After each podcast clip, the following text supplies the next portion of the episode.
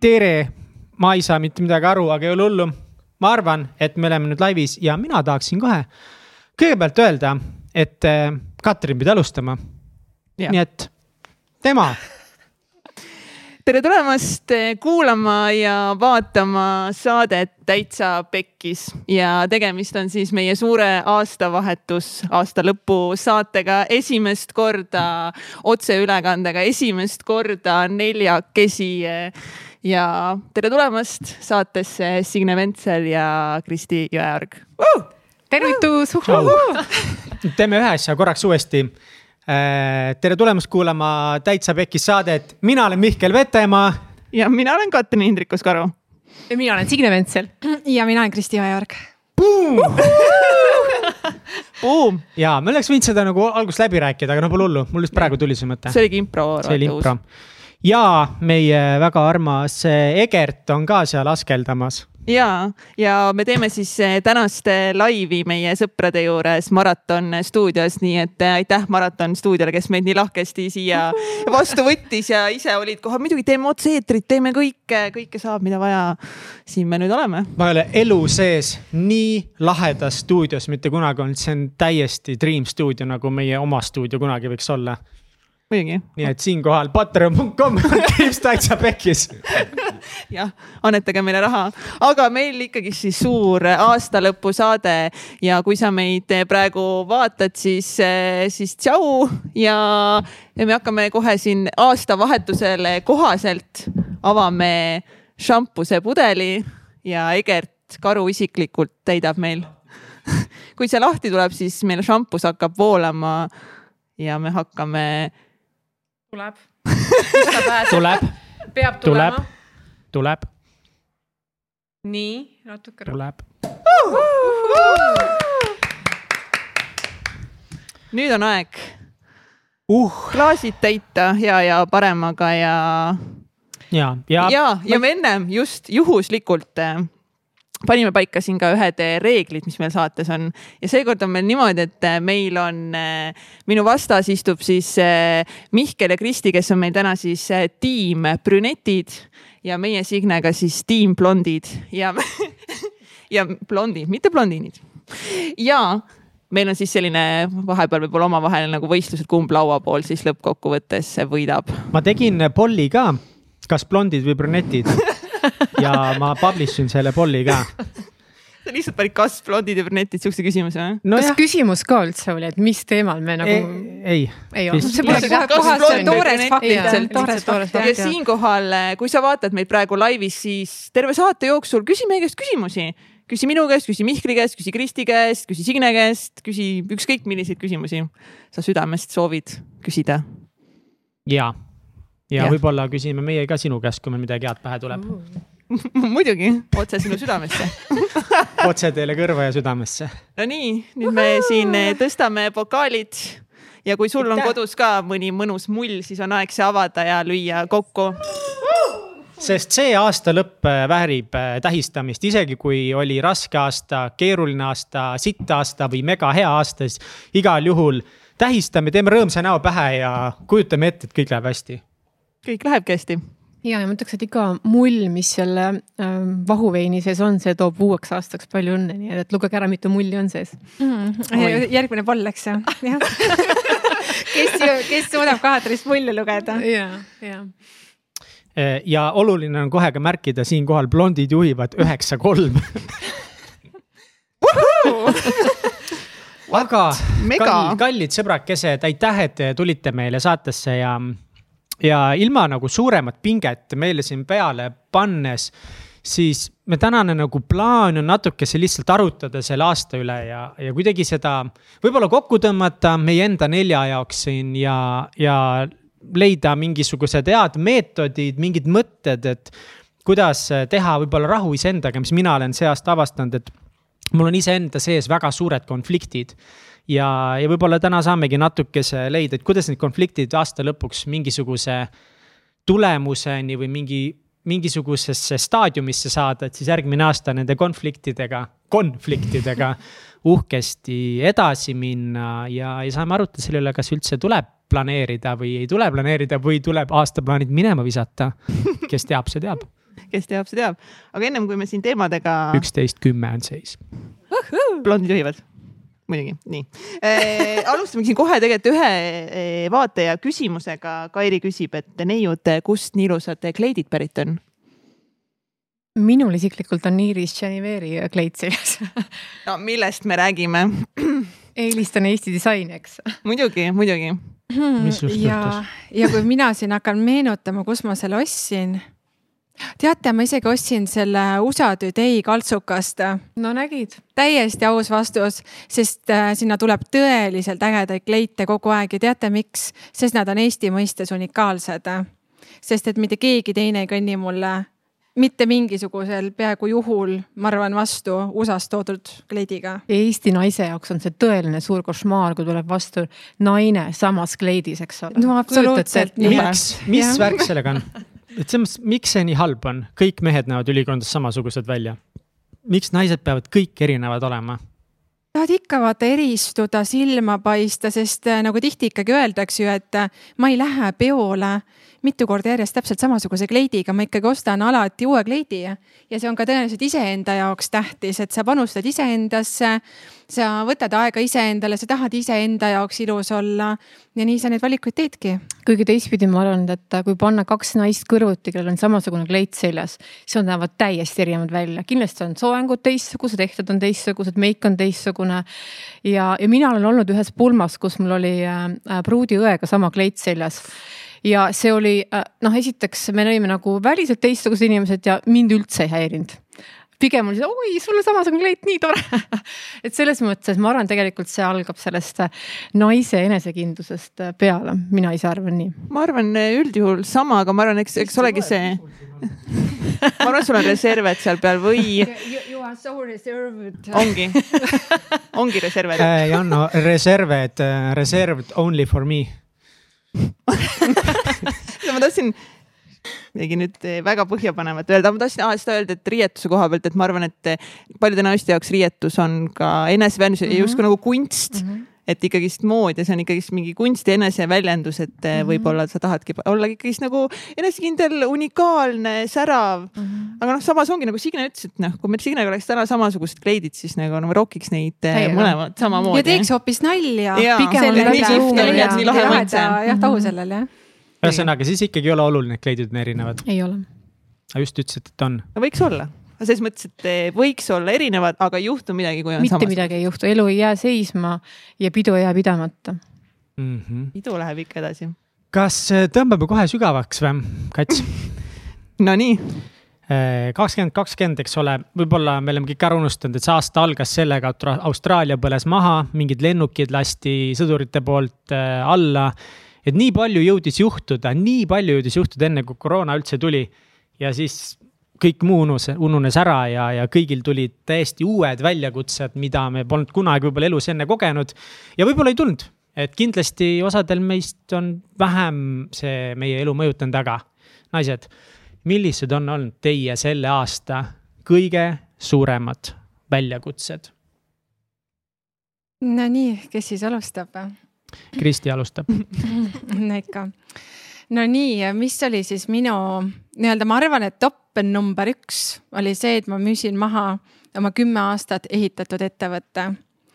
ma ehitasin ta selliselt üles, et ta oli Eesti suurim omas valdkonnas, kõige kõrgema käibega, kõige rohkem oli inimesi tööl kõige lahedamad ja kõige kvaliteetsemad teenused olid. mis, räägi, mis valdkonnast yeah.? tööohutuse valdkond oli siis valdkond, see, kus ma siis tõesti viisteist aastat toimetasin ja siis noh, vot tõesti viiendal aastal otsustasin, et teen ettevõtte ja nii ta siis kasvas kümme aastat ja ühel hetkel ma saingi aru et midagi on ikkagi väga nihu, ma hakkasin arutlema inimestega, et mingisugune muutus on see, mida minu hing ja süda ihkab ja kui ma ütlesin, et aga äkki oleks ettevõtte müük, loobumine sellest rajast, et valida uus rada, siis kui palju ma sain mõtteid, et kas sa oled hulluks läinud, miks sa sellise rumala tempu tahad teha, sul on nii hea seis.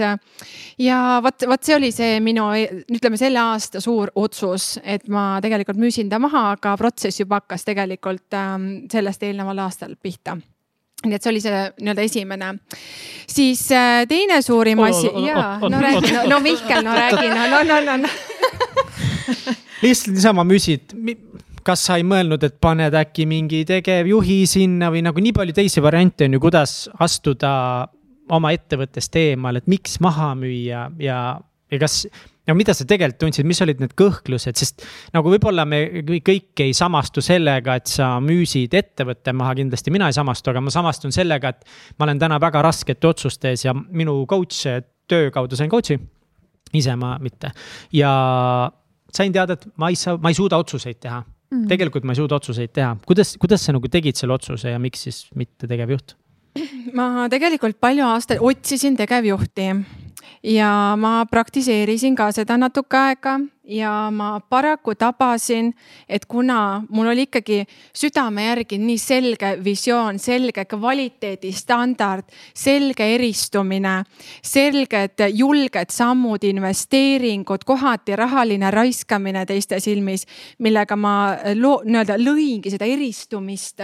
ma tegin midagi teistest väga teistmoodi ja ma lihtsalt ei leidnud seda inimest, kes suudaks nii-öelda minu neid väärtusi, minu seda loo loovust äh, edasi kanda. ja kui ma oleks ka leidnud sinnakanti äh, nii-öelda inimese, võib-olla täna ta kõnnib kuskil ringi, aga täna ma olen selle otsuse ära juba teinud. aga tollal jah, ma otsisin seda inimest, kes oleks valmis tegema Eestiga mastaabis mm -hmm. midagi vinget, sest ma teadsin, et mina tegin Eesti esimesed selles ettevõttes kõige lahedamad plakatid, Eesti esimese tööohutusteemalise raamatu. Nüüd tollal oli see mõte Eesti esimesed podcast'id ohutusvaldkonnas et ma lihtsalt nägin, et ma selles ettevõttes tegin nii palju selliseid erakordseid asju ja tollal tõesti jah, ma ei leidnud seda inimest, kes oleks valmis ka nii erakordseid asju välja mõtlema, julgeta, noh julgema riskida. kuidas sa selle otsuse tegid, kas, kas seal oli ka mingisugune meetod või lihtsalt, et äh, võib-olla oligi nii, et sa lihtsalt mõtlesid, mõtlesid nii kaugele, said aru või, või kas sa kasutasid mingit, äh, ma ei tea, metoodikat ka otsuste tegemisel? Panid kirja plussid-miinused klassikaliselt või mm? -hmm. mu metoodika oli süda okei okay. mm -hmm. süda, süda, südame metoodika, et ma tõesti tundsin ja ma kodus ka käisin ringi, elukaaslane juba ütles mulle, Kristi, kuule otsusta ära, otsusta ära, ma ei jõua enam seda juttu aastaid kuulata. kuidas sa tahad teha midagi muud. aastaid tunned... ikkagi ei ole et kohe süda, aastaid. ikka, ikka aastaid oli süda juba haige, ütleme nii, ja ta tahtis muutust ja ma kaalusin ja vaat see tegevjuhi teema käis ju sealt läbi ja, ja siis veel teisi mõtteid, jätaks ta lihtsalt tiksuma kuidagimoodi. Võib-olla läheb ise lihtsalt pankrotti, aga seda ei juhtunud, kliente tuli juurde kogu aeg, et kui sa ikka südamega asja teed. oh seda ebaõnne, ei läinudki pankrotti Signe. jah. mis on sinu kõige suuremad väljakutsed või väljakutse olnud? ja mul on hästi meeles, kui me istusime umbes aasta tagasi äh, siinsamas äh, Täitsa Pekkis podcast'is ja rääkisime, kuidas aasta, kuidas mitte aastaplaane teha, vaid äh, neid kvartaalselt teha ja me rääkisime, kuidas mida teha ja mina panin ka oma ägedad plaanid kirja ja loomulikult tuli see meie uhke viiruseepideemia nii-öelda, mis siis põhimõtteliselt ma arvan, enamus inimeste plaanid lihtsalt nagu pikali viskas minu omad ka. nii et ehk, et taaskord minu hea meetod, et panna eesmärke paika kolme kuu kaupa, peab väga hästi paika ja, aga ütleme väljakutse, mul olid ka tõesti väga suured-suured plaanid just selle ettevõtte käibe koha pealt ja, ja erinevaid äh, siin tegevusi luua, aga käive. mis ettevõtet äh, sina selle all ajasid nendele, kes ei tea? Äh, mina toimetan igapäevaselt siis põhimõtteliselt nagu äh, arengupartnerina persoonibrändi ja tööandja brändi valdkonnas, olen siis meeskonda juhti ja juhte koolitamas just äh, antud teemadel ja ka väga palju just enesejuhtimise äh, nagu enesejuhtimise koha pealt.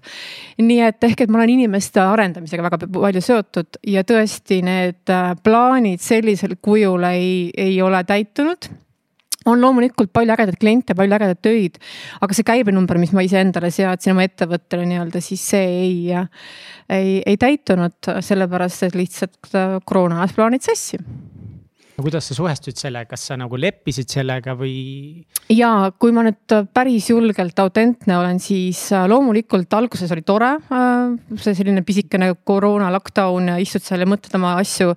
ja mõtlesin kõikide nende juhtide peale, keda ma koolitanud olen, et kõik, kes ütlesid mulle ka, et mul pole aega tegeleda iseenda arendamisega, et nii kiire on kogu aeg.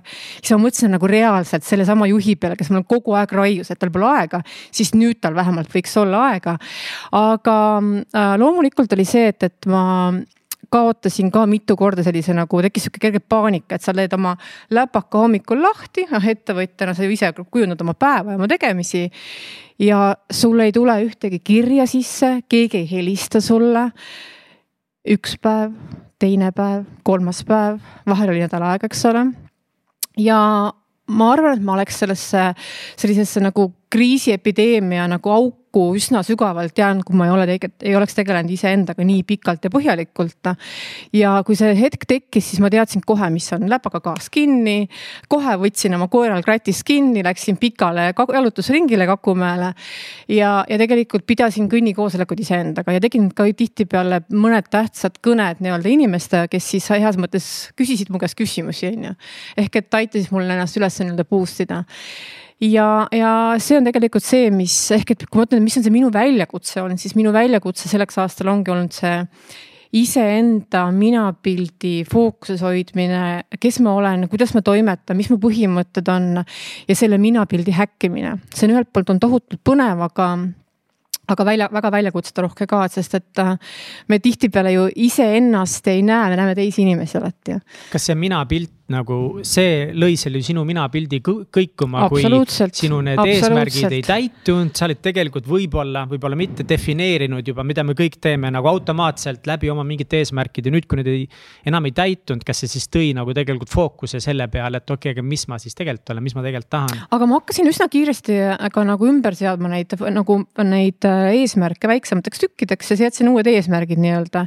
ehk et mis on selle järgmise kolme kuu fookus, sest et me tõesti, ma arvan, et kes me panime paika suured eesmärgid aasta lõpuks, siis noh, nägite ise, mis elu tõi meile, mitte kõigil on nad sassis kuidagimoodi.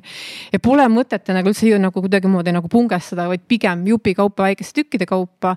ja mina hakkasin ka märtsist põhimõtteliselt otsast peale, märtsi lõpust hakkasin nägema uusi asju, hakkasin kohe ümber mängima, loomulikult see protsess on ebameeldiv kõikidele inimestele mm, -hmm. sest tegemist on muutusega, sa pead hakkama uusi asju õppima, uusi asju plaane tegema. sa ei tea, kuidas sa hakkama saad ja mina ütleks selle kohta, et aga see kui sa see ebamugavuse nagu märkamise tunne sul juba sees on, siis on üks samm arengus liigutud järgmise trepiastmele, sest ebamugavuse tunne on see, kus sul tekib see arengu aspekt, on ju.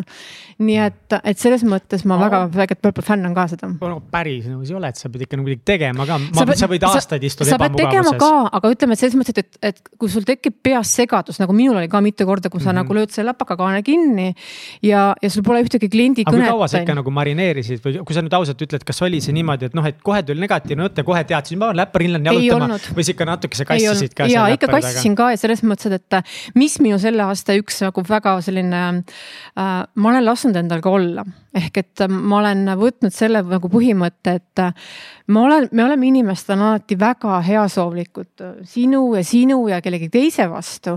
aga inimesed on alati tohutult kriitilised iseenda suhtes, ikka pungestama ja mina olen ka ju koleeriku isiksuse tüüpi perevanem tütar ja see juba mängib nagu rolli, kuidas ma põhimõtteliselt nagu mõtlen.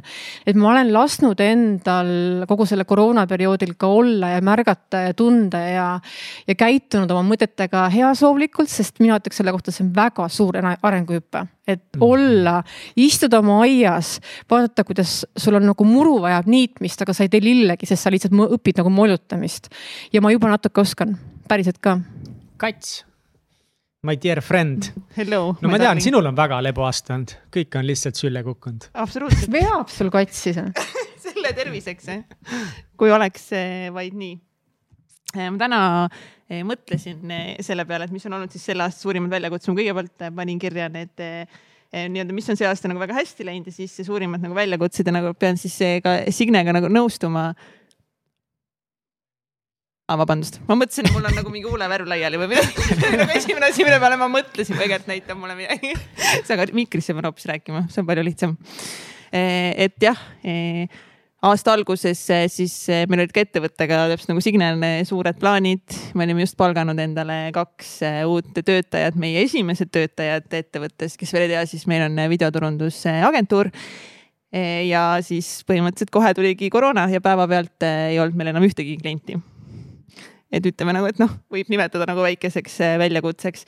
ja sealt äh, tuli edasi nagu järgmine väga suur väljakutse, et äh, me otsustasime siis hakata ju neid desinfitseerimisvahendeid tootma millest sai nagu kõige suurem väljakutse üleüldse ja mitte nagu väljakutse, et me hakkasime neid tootma, vaid väljakutse nagu minu ja Egerti eh, abielule, sest ma arvan, et see oli nagu kõige-kõige suurem väljakutse, mis üldse sellest nagu sai.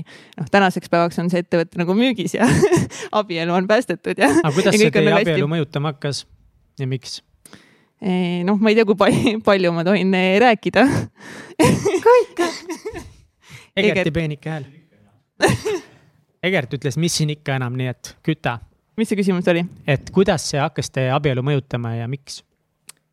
sellepärast, et Egert arvas, et ta nüüd tahab hakata siis tema sõnade kohaselt kaheksakümmend protsenti tegema siis seda Be Safe'i ja siis kakskümmend protsenti meie siis United Dreams ettevõtted, ehk siis mina peaksin hakkama kaheksakümmend protsenti tegema seda Unitedit ja siis eh, see oli nagu tema otsus ja kuna ta väljendaski, et see on nüüd tema nagu otsus ja nii on, siis noh, ma sellega nagu väga õnnelik ei olnud ja ma olin nagu, mis asja. ja siis sellest said nagu tohutud eh, tülid ja kõik asjad nagu alguse. põhimõtteliselt lihtsalt me ei kommunikeerinud üksteisele oma tundeid, mõtteid, noh, mitte midagi, vaid lihtsalt see kriis ja kõik võttis ennast nagu mattis meid enda alla Mm -hmm. ja siis eh, ma arvan, et ma ei ole pikki nagu aastaid nii palju eh, nagu nutnud järjest, kui ma sellel perioodil nagu tegin ja mäletan, kas ma Mihklile mingi aeg ütlesin, et kuule, et praegu on nagu väga soodne aeg lahutada, et korterite hinnad on odavad et nagu hea aeg on nagu välja kolida ja üürida, vaata, et kui mingi hetk nagu lahku minna, et siis nagu praegu on nagu parim aeg. et selles mõttes oli nagu väga keeruline periood, aga, aga väga õpetlik periood ja. aga see tegi selle keeruliseks see, et te olite tegelikult selles sundolukorras ikkagi ja, ja just see igapäevane valik jälle, et kas me proovime, on ju päästa seda ettevõtet, mis on meie see põhioskus olnud terve selle aja, aga mille turg praegu on nagu null. või siis me proovime seda uut ettevõtet teha, mis võib-olla sinu jaoks oli kirg, aga võiks olla see pääste, eks ole, ma kujutan ette, et need olid kogu aeg need argumendid laual, mis käisid edasi-tagasi jah, ja, ja, ja käisidki kogu aeg edasi-tagasi ja oligi lihtsalt nagu ainult noh, lõppkokkuvõttes me kumbki ei keskendunud mitte ühelgi ettevõtte eh, arendamisele, vaid lihtsalt nagu üksteisega vaidlemisele ja mingite pseudoprobleemidega tegelemisele versus see, et me oleksime võtnud konkreetsed otsused, konkreetsed fookused. sest eh, ju me oleme väga leidlikud eh, inimesed ja, ja kui me oleksime nagu läbi rääkinud asjad nagu siis, kas me oleksime võtnud ühe ettevõtte või teise ettevõtte, siis nagu see oleks väga edukalt tulnud ka nagu kriisi ajal nagu ma olen teinud nagu väga edukaid samme, aga kuna me kumbki ei suutnud nagu e, asju nagu selgelt võtta ja eks see nagu kõigile maailmas oli väga nagu e, ootamatu, see hirm, mis sellega nagu alguses kaasnes, on ju, oli ju, oli ju suur, et noh, täna me juba teame nii palju rohkem kui kogu sellest asjast ja et noh, et ju see ikkagi, sul oli töötajad, oli vastutus, anti ju nii palju nõu, et mis laske need töötajad nagu päevapealt e, lahti ja mina olin nagu mingi ei, minu töötajad nagu ma võitlen nende eest mingi surmani on ju. Mm.. et sealt kõik need konfliktid nagu tekkisidki, aga, aga noh, tänaseks päevaks olen ma tänulik selle kogemuse eest ja, ja aasta lõpp nagu meie ettevõttega on olnud nagu üks tugevamaid ja, ja ma arvan, tänu, tänu sellele, mis me nagu läbi elasime selle aastaga. Ja abielu on ka jätkuvalt oleme abielus ja, ja kõik on nagu tugevam. ma arvan, sa selle kogemuse neid positiivseid külgi veel hakkad nägema, see alati see negatiivne kogemus, me tihtipeale inimestena kuidagi uppume sellesse nii ära, et me mõtleme, et miks see pidi minuga juhtuma. aga sa hakkad veel seda, usu mind, sa hakkad selles raudselt seda mingisugust uusi siukseid nagu vau-efekti nägema, et sa natuke seedida selle peal. ja ei kindlasti mm, -hmm. ma usun, nagu mina olen kindel, sa usku selles, et kõik siin elus juhtub nagu mingi põhjusega mm -hmm. ja need asjad nagu juhtusid millegi heaks. et me saaksime sealt siis nagu kas siis kasvada või mm -hmm. mitte et ma usun, et me oleme nagu õnneks kasvanud sellest, sellest olukorrast ja õppinud ja, ja kogenud ja, ja nüüd selles mõttes, et kui on vaja nagu mingit toodet turule tuua, siis juba mingi vaata kogemus on nagu olemas on ju ja. nägid, juba tuleb positiivseid asju. ei, ei absoluutselt, lihtsalt mm -hmm. ongi nagu kõige suurem ongi alati need nagu inimsuhted mm, -hmm. mis nagu ettevõtluse kõigega nagu kaasnevad mm -hmm. ja veel, kui sa teed seda enda abikaasaga, siis noh on veel need rohkem võimendatud, et võib-olla kohe ei taha nagu pikalt saata võib-olla teist äripartnerit, sa nagu noh, võtadki otsa vastu, et nagu nägemist on ju mis nagu on okei okay. aga võib-olla abikaasaga koos ei tasu kohe nagu puid nurka visata. vot eh, siuksed olid nagu kõige suuremad selle aasta väljakutsed. Mihkel, kuidas sul mm,? mul on nagu, mul on võib-olla sisemiselt olnud minu jaoks kõige raskem aasta just need sisemised konfliktid prioriteetide ja, ja mu selles osas, et karjääri mõttes on mul olnud nagu tohutult hea aasta, et mul. et ma sattusin Helmesesse ja ma olen sellel teekonnal, mis ma olen ja meid, ma olen mega õnnelik, et meid nagu koroona üldse põhimõtteliselt ei mõjutanud, meie kliente ja, ja meid ja pigem nagu. see digitaliseerimine aitas meid kaasa, kõigil on mingeid e-poode e, e-süsteeme vaja ja see on nagu super, aga, aga leida ennast sellest olukorrast, kus ma nagu ei tea, kuhu ma nagu pean minema, võib-olla see on nagu jumala hea probleem, aga tegelikult. noh, tegelikult see on pannud hästi palju ähm, survet ka samamoodi minu ja Jenny suhtele. sest noh, kui ma tahangi nagu podcast'i viia kaugele ja, ja see edukaks teha ja ma tahan Helmes olla kõige parem ärianalüütik ja õppida kõike seda, eks ole, täitsa uus asi mulle ja siis tegelikult ma tahan ikkagi Eerikuga selle äpi täiega valmis teha, turule tuua, rahastust tuua ja aga tegelikult ma tahan ikkagi trennis käia ja tegelikult ma tahan ikkagi võib-olla tintdisainiga mingit disaini ikka teha, sest tegelikult sealt saaks hoopiski raha teenida, on ju. aga tegelikult ma tahan ju suhtes olla ja Jenniga koos aega veeta ja ja see kõik lõi nagu nii tohutult äh, kokku omavahel ja, ja see oligi see koht, kus ma saan aru et ma ei oska otsuseid teha. ma nagu triivin kõikides asjades korraga sest et ma ei ole valmis nagu ütlema mingile asjale, et see läheb pausile või see läheb kõrvale või seda ma praegu ei tee või et. Äh, ma lihtsalt mingit, ei no saab ju, naeratan näoga, et ei no tuleb välja küll ju. aga kas oli nagu kindel mingi madal punkt ka, mida sa mäletad, mis olid nagu mingi nagu fuck, et nagu noh mingi hetk mul tulid ärevushood, mul pole kunagi elus ärevushoogusid olnud ja tegelikult kogu see koroona selles mõttes nagu see mõjutas ka meid lihtsalt see vaimselt, noh, see, mis meil kõigil on. lihtsalt see, et mingi kuradi keberniit on lihtsalt kogu aeg. nii kuskil. palju negatiivseid uudiseid vaata ja, ja kõik no,. uudiseid ma väga üldse ei loenud, ma sellest tõmbasin ennast välja, aga see ikka jõuab sinuni, see siit-sealt ja. see teiste hirm, kuule, kas ikka ja. kuulsid sellest, kuule, aga kas ikka oled valmistunud selleks mm, -hmm. et, et see pidev nii-öelda hirmu süstimine, vaat, vaat ja see tõmbab ka jalgu ikkagi väga tugevalt alt ära mm. -hmm. et, mhm. et tõesti, no mida ma teen, kui minu, kui minuga peaks ka see juhtuma. et, et seepärast mina ka tõesti uudiseid ei vaadanud, et ma ei läinud noh, teadlikult no, kaasa sellega. vastu võtta, et nagu Vietnamis võib-olla seal tegelikult see koroona asi oli väga reaalne meile, sest nagu, et kas me oleme seal, kas me peame Eestisse tulema, eks ole, et. et kogu aasta igal pool see on meil kõigil kuklas olnud, et see on selle veel raskemaks teinud, aga, aga lihtsalt mingid hetked küll tulid ärevushood ja ma ei saanud nagu magada ja. seepärast ma nagu tunnen, et seda kõike on nii palju, aga ma ei taha millestki lahti lasta. ma ei ole nõus millestki loobuma. seal peab olema viis. aga siis samas ma nagu näen, et ma võib-olla ei otsi seda teekonda ka piisavalt nagu, et mis see viis on. ma lihtsalt nagu istun kogu Jootad. aeg samamoodi ja ootan, et no mhm. küllap ikka läheb paremaks, küllap just, ju tegelikult just. saab hakkama. ja see on kõige suurem nagu õppe või nagu väljakutse olnud ja avastada esiteks see, et emotsionaalselt saab ka katki olla. ma ei ole kunagi seda nagu niimoodi tundnud, ma olen avastanud, et minu sees on mingeid emotsionaalseid lahendamata probleeme ma olen katki mingites asjades, ma ei teadnud seda, ma ei arvanud, et see on, ma olen nii positiivne inimene, seda ei saa olla mm.. ja, ja kuidagi seda manageerida ja see prioriteetide küsimus ongi siiamaani. oled ma... sa praegu kuidagi lahenduse leidnud sellele teemale? ei ole. ei ole mm? -mm. Mm -hmm väljakutse jätkub aastal kaks tuhat kakskümmend üks. no siis me peame sinuga, Mihkel, teraapiat tegema ja õpin ju praegu psühhoterapeudiks. nii e. e esimene testiklient siis vabalt. mis sa, mis sa küsiksid praegu Mihkli käest, kui ta nüüd oleks sinu juures teraapial? teeme siukse miniseansi äkki, proovime.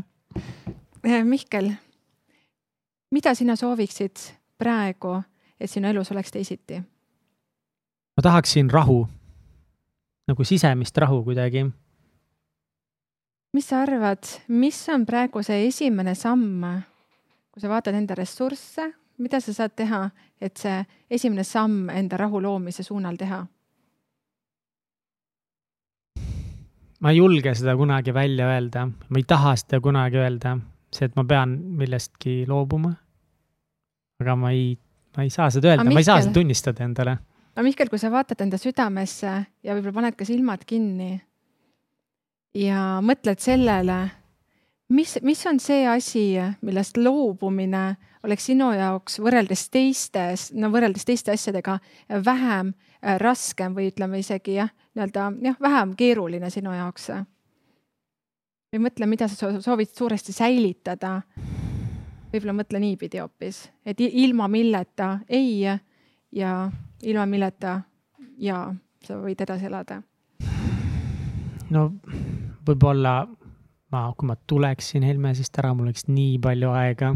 Aga see on nagu mõnes mõttes parim leid mu elus, et kui sa esimest korda lõpuks, nagu ma olen küm-, ma olen kolmkümmend ma olen fucking kolmkümmend alles. ma olen alles kolmkümmend, ma olen alles kolmkümmend, ma olen esimest korda mingi päris töökohal ma ei tea, mida kuradit ma kümme aastat teinud olen. aga tead, Mihkel, siin on üks hästi huvitav slogan, mida ma kunagi kuskil kuulsin, kui ma ise Saku Metallis töötasin töötusspetsialistina. mina olin sellel ajal tööl, kui kõik võimalused mööda läksid aga mul on just see, et see töö toob mulle mõnes mõttes kõiki võimalusi. Ja, ma olen nii tänulik, see on maailma lahedam tiim ja kõik on nagu nii hästi, aga saab ikka kuidagi nii, et kõike korraga. Aga tead, mina ütleks selle kohta küll, Mihkel, et äh, kui vaatan kõiki neid inimesi, kes ebaõnnestuvad oma eesmärkide kinnipüüdmises, siis nende nagu reaalne see pilt on see, et nad, nad rühivad nagu seitsmes erinevas suunas. Et noh, hea soovitus pluss, et võta nad nagu kuidagi juppideks, et fokusseeri ühel aastal näiteks nagu ühele-kahele. saavuta seal mingisugune sihuke nagu tõus ära ja siis liigu järgmiste kahe-kahe-kolme eesmärgi juurde. tead, seda on nii lihtne soovitada, ole, olen käinud ka täpselt Mihkliga mm -hmm. hästi sarnast rada ja tõesti, et tehagi neid hästi julgeid otsuseid, vaat siis see ongi lõpuks selline teraapia küsimuste pool, et, et tõesti, et mida sa nüüd saad teha rohkem, mida sa nüüd teeksid vähem, kaotamata enda seda identiteeti, sest sinu identiteet on tegelikult täna seotud väga tugevalt sinu valikutega.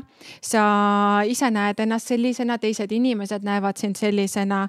et, et need komponendid on hästi rasked, et sa teatud mõttes, kui sa loobud millestki, mis on sinu jaoks tegelikult täna südame juures tähtis siis sa teatud mõttes loobud osast enda identiteedist, mida sa oled igatsenud mm. -hmm. ja ehk, et me isegi võime seda mingiks leinaks nimetada, et, et sa teatud mõttes sa loobud, sa leinad seda aga sa pead mõtlemagi just sellele, et mille kasuks sa loobud millestki ja aga seitset, seitset eesmärki korraga ükski inimene ei saavuta. see on fakt, on ju. äkki kuidagi ikka saab. see tähendabki seda, et, et sa pead millelegi fokusseerima mm -hmm. lühikesel aja jooksul ja siis edasi liikuma, et noh see on tegelikult. kui sa oled, oled nüüd see võimekas meesterahvas, kes seitsme eesmärgiga ühe aasta jooksul hakkama saab, siis ma annan sulle mingisugused, ma ei tea. ei no aga ongi nagu midagi ikka kannatab nagu. ei, midagi kannatab. midagi kannatab, kas ongi see suhe või sinu enda ja. nagu tervis mm -hmm. ja rahu ja kõik mm -hmm. nagu noh, midagi ikka kannatab. mina, kui ma mõtlen nagu iseenda peale, kas mida vähemaks ma olen, ma, kusjuures ma, mina tunnen ka samamoodi, ma olen sihuke nagu noh, teed, toimetad, tohutult palju uusi asju tekib pähe, on ju, kogu aeg tahaks nagu noh, kümmet asja teha. aga mida rohkem ma olen võtnud oma eesmärke kitsamaks, fokusseeritumaks, seda paremad on tulemus päriselt ka, nii et võta see aeg istumiseks iseendaga ja pane paika sama kaks-kolm eesmärki ja, ja. sa saad selle eduelamuse palju suurema, kui sa teed neid siukseid nagu poolkõvasid eesmärke. aga vot see, see ilma, ilmajäämise hirm on lihtsalt nii suur. kehvasti tegelikult no, ja see häbi, siis on see häbi no, on nii suur. siis hakkab enesehinnang langema, on ju. siis kriitikud tulevad sinu sees elama, on ju, ja palun väga, on ju, siis ongi see juba nagu madal põhi käes põhimõtteliselt. aga sa tõid hea, hea mõtte, Signe, et tegelikult võib-olla kui endale maha müüa see idee, et nagu lihtsalt ei, ma ei jäta.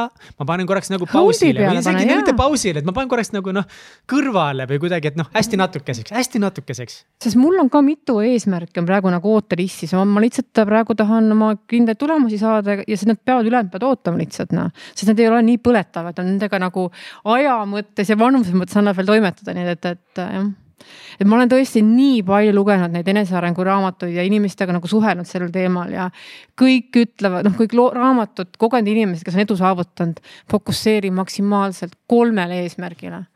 Maksimaalselt kaks-kolm eesmärki. Need kolm eesmärki ei saa olla nagu kõik nagu noh. ei saa, ei saa, nad peaks olema natuke seotud ka, aga, aga mida vähem, seda parem jah.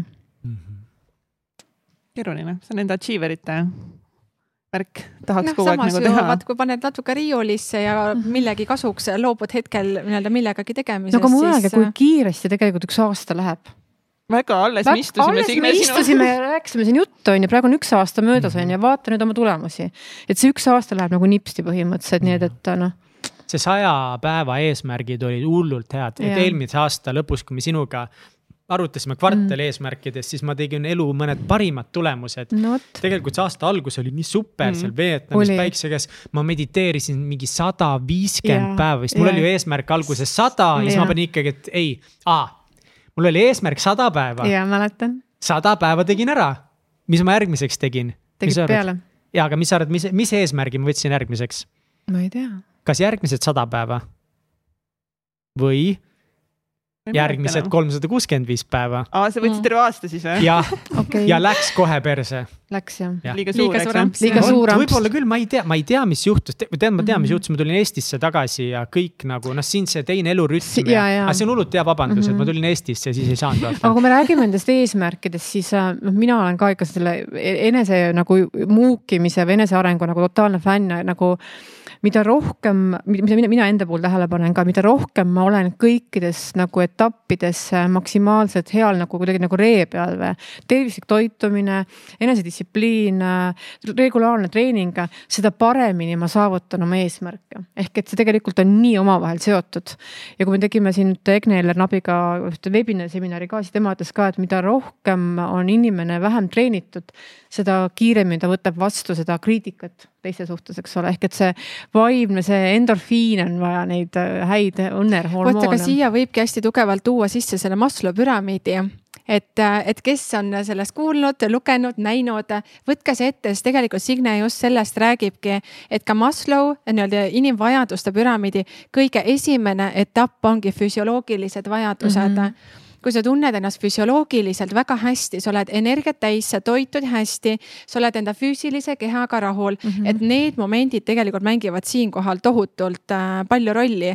vaata, et sealt juba tulebki siis see järgmine etapp alles ja et sa hakkad otsimagi seda turvatunnet, et nüüd tege-, noh, et tehagi just neid õigemaid valikuid, sest su keha on valmis mm, -hmm. et teha nüüd valikuid mm -hmm. vastavalt sellele, mida sa soovid mm, -hmm. jah jah, see ongi see elu, see vundamendi loomine. vundamendi loomise koht jah. see on, eh, kusjuures väga hea, et selle teema siin praegu eh, lauale tõite, saan kohe teha eh, esimest korda reklaami meie järgmise aasta siis transformatsiooniseminarile kaks punkt null, mille teemaks ongi siis meie elu ja edu vundament, milleks ongi siis liikumine, toitumine, hingamine, magamine. nii et. mis tundub nii paljudele, ah nii lamp ja, ja.... täpselt, et see on nii tavapärane, ma ju tegelikult liigun ja kõnnin ja. aga. magamine on nõrkadele, come on, noh. et ja. neid müüte tahakski nagu kummutada ikkagist ongi nagu back to basics, et nagu kõik mis me tahame saavutada, on meie enda sees juba nagu olemas ja see on meile tasuta, et mine metsa, liigu, hinga, maga, et need on nagu tegelikult nii lihtsad asjad, aga me lihtsalt ei tee neid. Need on, tunduvad nii klišeelikud ja, ka ja mis, mis asjad no,, ma tean seda niikuinii. nagu ma pean ikka täiega tööd tegema. see, et kas sa nagu teadmistel ja tegutsemisel on ka nagu mm. vahe sees, on ju. aga kas te teate, millal on hea aeg puhata või?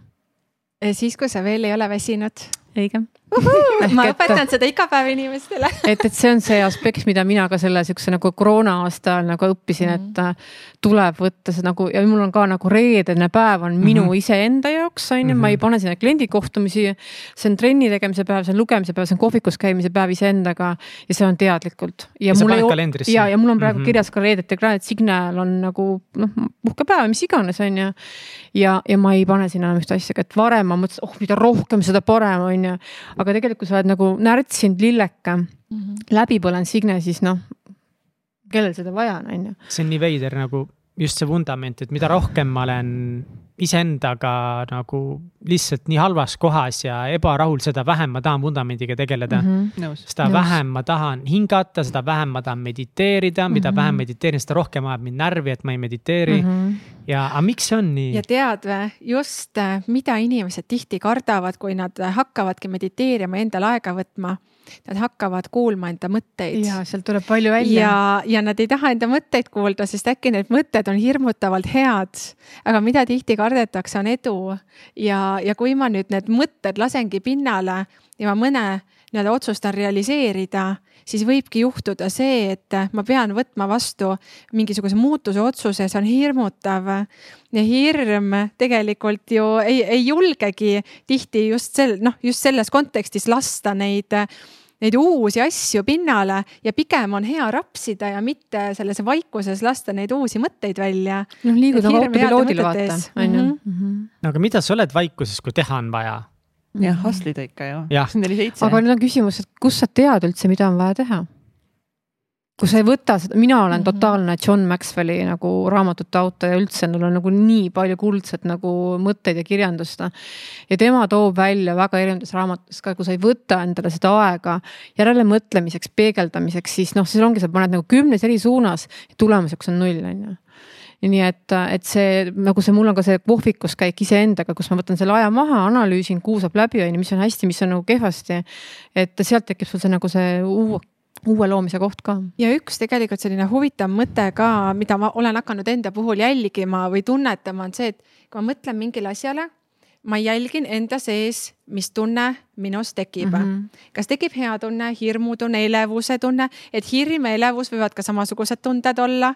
aga et sa, et sa suudakski teha seda vahet, et kas tegu on päris hirmuga või natuke sellise põnevuse, elevusega, et appi, kui ma nüüd selle asja ära teeksin.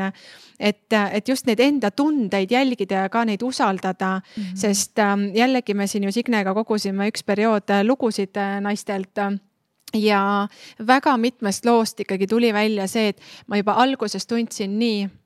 ma ei uskunud, ma ei usaldanud oma südant ja ta ikka mulle hiljem näitas, et ma oleks pidanud sind uskuma. et, et ta lõpuks ikkagi noh, tuleb pinnale, et. see oma tunne. miks on südame häält nii raske kuulata? Siin ma täna ise küsin, ise vastan, tegelikult mm -hmm. ma mhm. vastata ei oska, ma kuulasin just, issand, kelle, kas Lewis House'i mingit episoodi äkki, kus oli ja kus oli üks Ameerika poeet oli seal. üks luuletaja, poeet on ilus sõna mm, -hmm. seal oli üks poeet ja siis ta täpselt sama asja ütles, et nagu me süda teab, mida ta tahab ja siis me mõtleme, et ei no ma tean küll, mida mu süda tahab, aga äkki ma ikka ei tee seda. reaalsus, reaalsus pressib peale. aga äkki ma teen ikka midagi muud mm. -hmm miks see on nii? see on ka tegelikult ühiskonna küsimus, lähedaste nii-öelda inimeste küsimus ootus. ka ja see ootus sinule, sinu kasvatus, äh, põhimõtted, kogu see nii-öelda kontekst, mida sinult oodatakse ja mida tihti inimene ei taha ju teistel inimestel valmistada, on pettumus. et, et kui ma nüüd hakkan enda südant siin kuulama ja teen teistsuguseid valikuid, siis ma ju võin tegelikult tuua pettumuse kellelegi teisele. aga kuna ma tahan äh, välja teenida armastust alati, siis ma ei, ma ei taha pettumust valmistada. ja kui see nii-öelda armastuse saamine on teatud meetodite kaudu, mis täna töötab justkui mm, -hmm. siis ma, siis ma igaks juhuks äh, ikkagi lähen selle ratsionaalse valiku suunal pigem. ja pärast tegelikult ikkagi seda õnnetunnet ju enda sees ei tunne et, äh, et miks ma sellest nii palju julgen rääkida, sest ma ise selle protsessi hästi tugevalt läbisin. ei olnud lihtne, oli ikkagi hulk väljakutseid, aga võib öelda, et lõpuks sain hakkama. ja mis ja... olid väljakutsed? väljakutsed olidki just need kohad, kus, kui mina tõin enda asju välja, et kuidas mina tahan, et asjad käiksid ja kui ma need teistele presenteerisin, siis äh, sealt ikkagi nii palju tuli seda, aga kas sa teiste inimeste peale mõtled, aga, aga kas sa mm, -hmm. et, et kuidas see sinu see vastutus ikkagi nüüd on. aga, aga kas sa ikkagi sellega arvestad, et nii palju toodi sisse neid nii-öelda takistusi ehk et mitte ei toimunud arutelu võimaluste üle, et millised, oo, päris põnev mõte, et millised on võimalused selle sinu uue mõtte juures, vaid et hästi palju hakati nii-öelda seda enda isiklikku hirmu minu maailma sisse tooma mm. -hmm. ehk et ma lõpuks teatud kontekstis avastasin ka, et ma kuidagi olen tegutsenud siiamaani teiste inimeste hirmude ajel ja mitte siis tahtega neis seda pettumust tekitada. nii et ma selle kliki kuidagi siis enda jaoks häkkisin niimoodi Signe sõnul lahti ja, ja nii ta tuli ja, ja ma jälgisin ka enda seda sisetunnet, emotsiooni ja ma jälgisin ka seda, milline on minu füüsiline tervis pärast seda, kui ma teen ühe või teise liigutuse ja ma hakkasin ikkagi märkama nii suuri nii-öelda selliseid vahesid seal. nii et ma teadsin, et nii ongi ja siis ma mõtlesin iseenda jaoks välja ühe slogani, et kui ma enda südant ei kuula, siis ma viiekümneselt potentsiaaliga võin infardi saada. sellepärast, et et, et, et see on nii tähtis, sest see mõjutab tohutult palju füüsilist tervist, enda seda stressi, depressiooni võimalikku taset mm. -hmm aga jah, Agneli, Agneli saat küsis ähm,, ai tema küsimust, sorry Agneli, sinu küsimusi juba ma ütlesin, ma tahtsin ühte teist ah,. vot Kristil oli ka üks hea küsimus, et äh, mis on ka, korra rääkisime nagu just nendest äh, väljakutsetest ja negatiivsetest asjadest võib-olla natukese, aga mis olid mingid kõige meeldejäävamad hetked? tegelikult need võivad olla ka, ei, kõige ägedam jah. mis on kõige ägedam, et Kats, mis oli sinu selle aasta kõige ägedam hetk?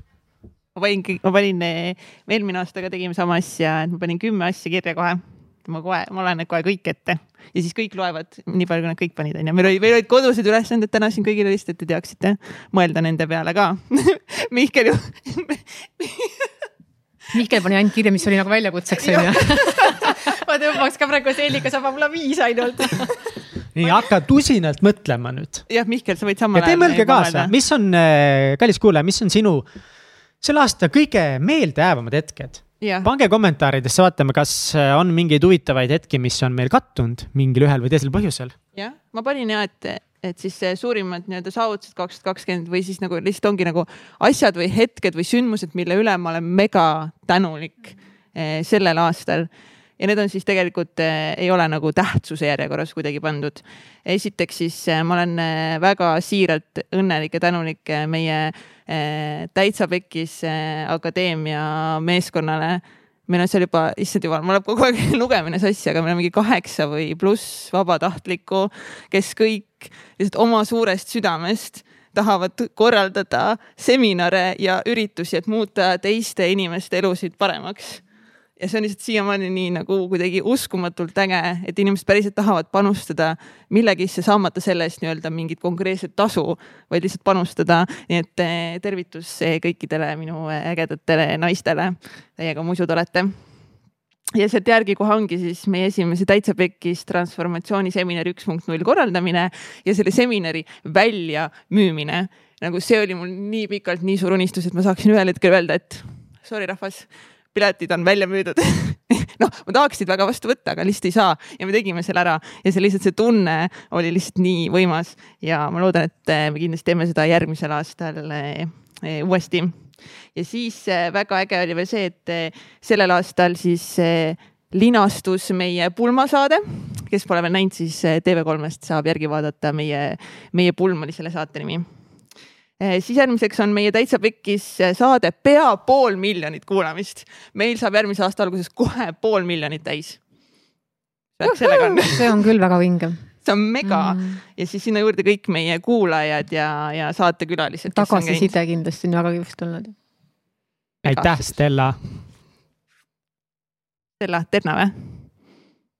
ja, tšau Stella. ja Pirje ja Merilile ka, teile ka tänks nii, küta, küta läks. siis aasta alguses Täitsa Pekis saatega Startup Day'l osalemine ja kaheksa intervjuu tegemine. megakade. täiega ma.... see oli nii äge üritus muideks, Mihkel. see oli väga kihvt üritus. see oli väga kihvt üritus, ma ausalt, Kade, ise ma ronisin ära. ise ronis Vietnamisse, sain mina seekord rohkem tähelepanu, pole hullu. sain ka särada vahelduseks Eh, siis järgmine on seekord siis Tony Robbins Unleash the Powered in uh, Virtual event, mis oli täiega lahe. siis siiski United Dream stuudioga koroonakriisist välja tulemine ja uute siis uh, imeliste klientide saamine. olite nagu valmis asja kinni ka panema või? korra, hästi kiirelt praegu. ei olnud. ei olnud jah mm,? ei olnud kindel ei. siis järgmisena on see, et ma sain käia podcast'is Mull külaliseks, tervitused Evelin Veermetsale siis äh, panin järgmiseks, et äh, et ma sain Katre Kulbakiga tuttavaks, on minu elu väga palju äh, muutnud ja mõjutanud, väga tänulik talle. siis ma olen tänulik meie abielu esimese aasta üle uh. -huh. ja järgmiseks siis, et ma olen väga tänulik äh, iseendale ja et ma jätkuvalt õpin, kasvan, arenen, unistan ja, ja fucking lihtsalt ei anna alla nagu. et mina ise ma arvan, et me kõik peaksime kõigepealt olema iseendale tänulikud. oh, jumala tore oli neid lugeda, nagu nii lahe lihtsalt. väga palju, väga palju ägedaid saavutusi mm. -hmm. on ju, nii? Kristi mm? Mm, tiim Brünetid. tiim Brünetid ah, ja oot, oot, oluline on vahepeal ka, kuidas ma nüüd vaatan. kurat, me olime ees vahepeal. mida? Brünetid olid ees, aga üheksateist, kakskümmend blondid nii, Kristi no nii, oma tähtis äh, siis äh, buklett ette. Äh, mis siis oli tõeliselt äge selle aasta jooksul? no enne, mis oli väljakutse, oligi tegelikult ettevõtte müük. et, et ma tegin selle ära, ma nii hullult pikalt venitasin seda, aga tegin ära ja sisetunne on hea ja depressiooni pole nii, siis mis on eriti äge, ühe müüsin teise startisin täiega. nii et äh, tegelikult hakkasime kasvatama uut ettevõtet äh, Meaningful Talks mis on äh, siis suunatud lapse ja vanema kvaliteetsuhete nii-öelda kasvatamisele. ja tegelikult oleme teinud, äh, mis on minu arust tõeliselt vinge. me oleme Meaningful Talksi alt teinud kaks webinari. üks on siis Ingvar Virido ja teine siis Jaan Aruga ja me saime kahe esimese webinariga täis kümme tuhat hot leads'i peaaegu nii et, et see on ikkagi mega, mega ja, ja võibki tunda noh, et, et see oli lihtsalt nagu nii uskumatu, et see päriselt juhtus ja teha nii-öelda sellist webinari ise äh, näiteks äh, just sellise inimesega, keda ma tõeliselt imetlen, kes on teinud nii palju head, inimestel ongi Ingvar Villido ja mina sain teda küsitleda. me saime nii vinge webinari tehtud, et no uskumatu. nii et see on siis selle ettevõtte käivitamise lugu. siis äh, loomulikult, mis oli tõeliselt äge, siis on ju välja antud raamat Julgus luua muutust ja see raamat on mul ka toredasti ju peaaegu et kuus aastat sahtlis olnud, seni kuni Signe otsustas siis tulla Väänajanna rannale kauneid siis äh, vahusaid laineid kuulama kus sai purgi pandud idee, et ikkagi raamat tuleb välja anda. ja vaat, vaat see oli ka minu jaoks ikkagi täpselt see koht, et julge unistada ja kõik juhtub nii mm. et, aga mõnikord on lihtsalt see, et mõni asi võtab natukene rohkem aega, aga kõik on tegelikult võimalik. on mõni unistus hirmus ka vahepeal või? no praegu on mul päris mitu hirmsat unistust. on jah, väga hea hirmsad unistused peab olema. kui unistus pole piisavalt hirmutav, siis ta pole piisavalt suur. ja no täpselt siis äh, kindlasti ka see, et otsus enda peas, et lähtun alati perest ja ei raba ennast hulluks sellepärast, et mu elukaaslane pidevalt ütleb, Kristi, tead, sina suudad oma kalendri otsast lõpuni minuti pealt täis book ida. et, et see on nüüd tegelikult see saavutus et, et ma hakkan õppima olla vähem ettevõtlik ja teha valikuid rohkem pere järgi. nagu tänagi siin on mu laps kaasas, tema saab kõrvalt õppida, kuulata, et see on ka ju tohutu äh, väärtus. ja nüüd on vist natuke võib-olla imelik, aga kohe seletan konteksti olen kirjutanud siia sellise asja, et otsus mitte olla naabrist parem ja mitte lasta enda sisemisel kadeduse ussil endast võitu saada enda sihtide poole liikumisel. ja see tähendab ka, et hoida kinni valedest asjadest. ehk et kui ma midagi väga ihaldan, vaatan, et see on teisel inimesel olemas, siis ma kaalun seda, kas see on ikkagi minu ihaldus või see on ikkagi lihtsalt see inimlik selline Kadedus, tunne, et ma nagu tahaks ka mm, aga tegelikult ma ei taha seda. vot, et selline julge vaatamine iseendasse, et mida mina tahan, vaatamata naabrit või kedagi teist. et julgeda enda vastu ikkagi olla no otsast lõpuni täiesti aus ja tunnistadagi endale, et mõnikord ma võingi olla väike kadedus ja uss, on ju. ja, ja see on nii tore avastus, et ma julgen enda vastu aus olla otsast lõpuni. aga kas sa oskad ka mingi näite tuua, tuleb sul kohe mingi mingit asja, mida sa tahtsid näiteks, mida naabril oli ja siis tahtsid hulluta, siis mõtlesid ikka, et äkki ma ikka ei taha seda. olid kade.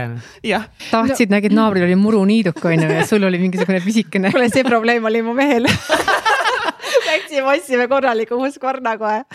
nii, aga ja tegelikult oli küll, kui ma ju oma ettevõtte maha müüsin mul see sees ikkagi ju tohutult keerles ja need inimesed, kes läksid edasi siis äh, ma teatud mõttes veel võtsin mingisuguseid kursuseid, ma registreerisin ennast ära, et ma ikka edendan sellel suunal ennast edasi. Ja siis ma vaatasin otsa, Kristi, sa ju ei taha seda tegelikult. Ja siis ma cancel dasin, noh loobusin sellest koolitusest. Mm.. et, et mingisugused vot sellised avastused, et see oli huvitav. Nii, ja siis muidugi luua Eesti esimene töötervise töötuse podcast. Uh et äh, jällegi äh, midagi erakordset iseenda jaoks, et ma tõesti näen, et äh, omavahel on väga tugevas seoses töö, elu ja ohutus. kui üks neist lonkab, siis kahjuks lonkab terve inimene korraga. nii et kõik see peab olema hästi suures tasakaalus, et näha just seda tasakaalu veel, äh, mis oli äh, tõeliselt äge, oli see, et ma tõesti otsustasin pühenduda rohkem perele, mul on ka üheaastane laps. ja just, et nii-öelda seda konteksti iseenda puhul rohkem märgata, et äh, ma olen nii palju saanud ju hinnanguid, et näed, sa oled nii ettevõtlik, tegeled nende asjadega, milleks sa tegeled.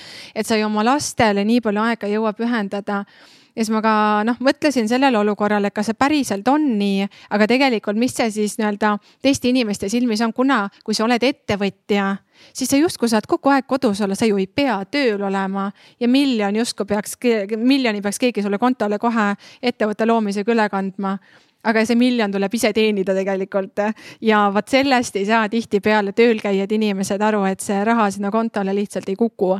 vaid et selleks ikkagi pead eristuma, sa pead tegutsema ja seega, et siis mõelda iseenda jaoks läbi ehk et kontekstis pere ja ettevõtlus, et kuidas ma selle niimoodi viin tasakaalu, et ma päriselt ennast sisemiselt äh, tunnen hästi. Ja mäletan, kui me veel Signega raamatut kirjutasime, siis äh, oligi täpselt see olukord, kus äh, ma ütlesingi tõesti, näed, et ma oma elukaaslasega olen teinud kokkulepet õhtuti ma olen laste jaoks kodus olemas ja vabandust, ma ei saa praegu tegutseda.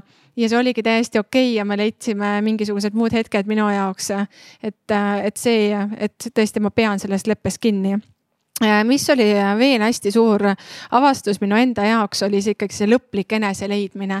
mida ma päriselt tahan, mida ma tahan ära teha, mis on minu see visioon. nii-öelda võib-olla, võib-olla võib ka olla see viie aasta nii-öelda see visioon, mida ma tahan ära teha. mis on see asi, mis nii-öelda missiooni ma kannan ja millist visiooni ma kannan, sealt. ehk et ma otsustasingi ära, et ma tahangi tegeleda vaimse tervisega, ma täna õpingi psühhoterapeutiks, ma läksin äh, nii-öelda veel juurde lisakursusi võtma sellel aastal. Et just, et see hästi tugev iseenese leidmine kõikide muude asjade kõrval. Ja ka selle aasta lõpuga või siis järgmise aasta alguses tuleb välja mu isiklik veebilehekülg kristijõerg.com, kus siis ähm, tegelikult ma saangi pakkuda neid teenuseid, kus ma näen, et kus mina olen ise tugev ja pakkuda kogu seda rada läbi, läbi mille ja millise muda ma olen roomanud või ja läbi lillede nii-öelda heljunud et ma saan seda jagada ka tegelikult äh, teiste inimestega et need on olnud sellised tõsiselt vinge aasta minu arust punktid. võiks öelda, eks koroona oh, aasta oli nagu vinge. tegelikult on nagu ka sital aastal saab nii hea olla. nagu oleksid ikka tohutult ägedad asjad nagu. Signe ja mul vist nii palju ei tulegi kohe niimoodi, ma loetelu ei panna, ma hakkan niimoodi peast Signe. praegu minema. mõtleme juurde kohe sulle. ei pea olema nii palju, ka vähem. Äh, mul tuleb, mis tuleb. ma, ma alustasin täna oma blogi kirjutamist ka kokkuvõtte tegemist, nii et ja täitsin oma PowerPointi slaidi Signe aasta kaks tuhat kakskümmend ja mina võin öelda ka, et, et hoolimata sellele koroonalainele ja kõigele muule, siis tegelikult on olnud äh, kihvt aasta, et äh,, et ma arvan, et muidu neid protsesse poleks käima lükatud, mis täna, mille vilju me täna naudime nii et, et kui ma võtan aasta alguseks, siis kui on inimesi, kes pole reisinud sel aastal, siis mina tegin aasta alguses kohe kolm reisi. Itaalias Marcialonga suusamaraton, äh, kaheksa tundi äh, suuskadel, kui te mäletate, kui palju oli eelmisel aastal lund mm. -mm. ei olnud, ma panin päev enne maratoni suusad jalga ja sõitsin, mõtlesin, et ma teen siis nagu mõnusat paarist tõuget, aga muudkui tõukab mäest alla. aga tuli öösel lumi maha, mingisugune plögalumi ja kaheksa tundi reaalset matkamist, mitte maratoni sõitmist klassika stiilis. ja see kaheksa tundi oli küll see tunne, et ma mõtlesin, et Signe, kui sa selle nagu päriselt ka läbid, siis noh. ja ma, ma väga selgelt tegelesin selle protsessi käigus iseenda nagu minapildi häkkimisega, et sa suudad, kuidas ma ennast motiveerisin, mida ma mõtlesin kõik, et see on üks sihuke nagu väga vinge saavutus. ja see andis mulle ka teadmise, et ma suudan palju rohkemat, kui ma tegelikult täna nagu teen siis äh, meil oli ülimalt äge perereis Filipiinidele äh, ja mina võiks öelda, et wow. äh, kui koroona ajal läksid paljud inimesed lahku ja, ja oli nagu raske aeg peredes, siis, äh, siis meil oli nagu ülimalt vinge. ehk et mina võin öelda, et minu see peresuhe nagu meil peres laste ja mehega on väga heas korras ja see on tugev vundament. ja tänu sellele ma olen ka saanud päris palju asju nii-öelda nagu korda saata siis äh, mul on olnud sellel aastal nagu ülimalt ägedad kliendid ja ma viskasin koroona ajal õhku, et ma ei taha teenindada klienti, kes on arrogantne, kes äh,, kes tahab olla maailma naba ja ma olen saanud endale tõesti väga vinged kliendid, kes on mind õpetanud, kes on olnud inspiratsiooniks, sa lähed koolitust tegema või arengupäeva tegema äh,. noh, tippjuhtkondadesse, kes äh,, sa tuled ära sealt, sa oled ise nii energiaga laetud, see ongi õige koostöösuhe, on ju. nii et, et selle üle ma olen tohutult tänulik siis loomulikult meie raamat Julgus luua muutust, mis on siis Eesti esimene inspiratsiooniraamat naistele. Äh, ja et see niimoodi nagu kiirelt nipsust valmis kirjutada ägedate lugudega, õppida sellest protsessist on ka kihvt saavutus olnud. siis äh, loomulikult see, see minapildi häkkimine, see, kuidas me inimestena töötame, kuidas ma, kuidas ma raskel ajal hakkama sain, see tohutu laadimine, mis on käinud selle koroona aasta jooksul nii-öelda. et et ma olen, äh, vahel tekkis tunne küll, et ma olen kuidagi nagu nii tark ja ma tean kõiki asju juba, et kuhu saab üldse paremaks minna, aga saab. ehk et äh, sellist psühholoogilist poolt ma olen kuidagi sisse ammutanud ja noh, saan aru, kuidas me inimestena toimime, nii et, et, et tõesti väga kihvt aasta on olnud nagu vaimsed aastad on siin kõigil või midagi mm -hmm. või mm? -hmm. nii on Mihkel no, siin. mul on vaimselt kurnav aasta no ei, tegelikult eh, lahedaid asju on väga palju juhtunud, esiteks väga kihvt oli Vietnamis olla mm, -hmm. nagu jällegi see on see. et millest me nagu unistame, on ju, ma olen terve elu unistanud mm penthouse idest ja tohutust terrassist New Yorgis mm -hmm. nagu, aga võib-olla, lihtsalt võib-olla väga odav Vietnam täiesti tavaline apartment building, kus sul joppab lihtsalt viimasele korrusele korter saada ja siis seal on jagatud eh, terrass mm -hmm. nagu mhm. seitsmendal korrusel aga kuna me olime viimasel korrusel, lihtsalt sattusime sinna, siis justkui nagu see oli meie privaat. ma iga hommiku mingi neli-viis kuud jutti vist, kaua me seal olime, neli pool kuud aga ma tegelikult terve aeg seal elanud, aga ühesõnaga väga mitu kuud võtsin vastu iga hommiku päikse käes mm, -hmm. seal päevitades. kogu Eesti magas veel, minul oli seitse tundi vist see ajavahe nagu varem nii-öelda ma sain lugeda, iga hommik lugesin, iga hommik tegin kätekõvertsi, viiskümmend kuus või viiskümmend seitse päeviti tegin kätekõvertsi hommikuti. see oli ka saja, aga see mul sajab, sada pole hoidnud ära kusjuures no,. ja, ja see oli nagu nii imeline mm. ja vinge ja, ja ma sain kuidagi nagu aru, et et mul on alati need nii suured eesmärgid, nii luksuslikud eesmärgid, mis on nii kauged, et mm. tegelikult ma tihti ei liigu nende suunas sest et ikkagi ees, unistus New Yorgis penthouse, üks ütleb, et aga unistad, muidu sa ei saagi seda, aga mina ütlen, et kurat, kas seda ikka tegelikult on vaja. et ma olen hakanud nagu mõtlema, et nagu fuck, võib-olla kõiki neid nii uhkeid asju ei ole vaja või suuri asju. kas see, vaata see tunne oli sul tõenäoliselt ikkagist nagu võib-olla kind of seesama, mida sa ootaksid. jah, täpselt nagu,, see oli nii hea juba seal. soe, mõnus võib-olla nagu no,. see oli mingi kolmsada viiskümmend euri oli rent kuus, üürkuus noh -hmm., ja ma tegin Eestis, äh, töötasin ju samal ajal Helmeses, teenisin palka, toit, kõik on odavam, no seal läheb nagu noh, koos lennukipiletitega võib-olla lõppu läheb nagu sama palju raha kui Eestis elades ikkagi. ma sain elada nagu luksuslikult, aga tegelikult see ei olnud kallis, et nagu tuleb märgata neid imelisi võimalusi mm, -hmm. kuidas oma eesmärke ellu viia, et see oli nagu lahe ja teine suur asi on see, et Jenny pole meid maha jätnud veel uh.. ma olen ikka, võib-olla ma sain aru, et ma päris nagu halb äh, elukaaslane olnud et just mitte sellepärast, et ma olen kuidagi ebaviisakas või, või nagu nõme või peksan Jenit kodus, aga, aga pigem ongi see, et ikkagi ma olen väga egotsentriline inimene ja mm., ja ma nii palju vaatan ja süüdistan teda vahepeal, et aga miks ta kade umbes on või midagi, et meil läheb kuidagi nii ja, ja temal läheb naa või kuidagi, et aga noh, tegelikult ähm, ma olen nagu jah, oma aja, kui sa, ma olen kõik oma aja pannud siia podcast'i, tööle mm -hmm. ja, ja kõik see aeg, mis üle jääb, siis ma olengi, et ah, ma tahaks ju trennis vahepeal käia, džitsi teha, eks ole, et. et see on nagu kuidagi tore, et me oleme nagu ikka veel koos mm. -hmm. ja. Shout out to Jenny. ja, et aitäh, Jenny ja ma pean ikkagi nagu rohkem aega, ma tahan, et see, ma pean, ma tahan kuidagi mm -hmm. selle panna tööle nii, et see mahub, aga see hirm, mul on nii tohutu hirm, et kui ma ei tee kõiki neid asju, et siis ma ei saavuta oma elus oma eesmärke ja ma olen mõttetu vend veel lõpuni. et see on nagu jällegi see raske. küsimus, mida, mida täna mul küsiti. oota, hoia seda mõtet, hoia seda, hoia seda küsimust. nii, ühesõnaga mul, issand, ma lähen lappama siin juba.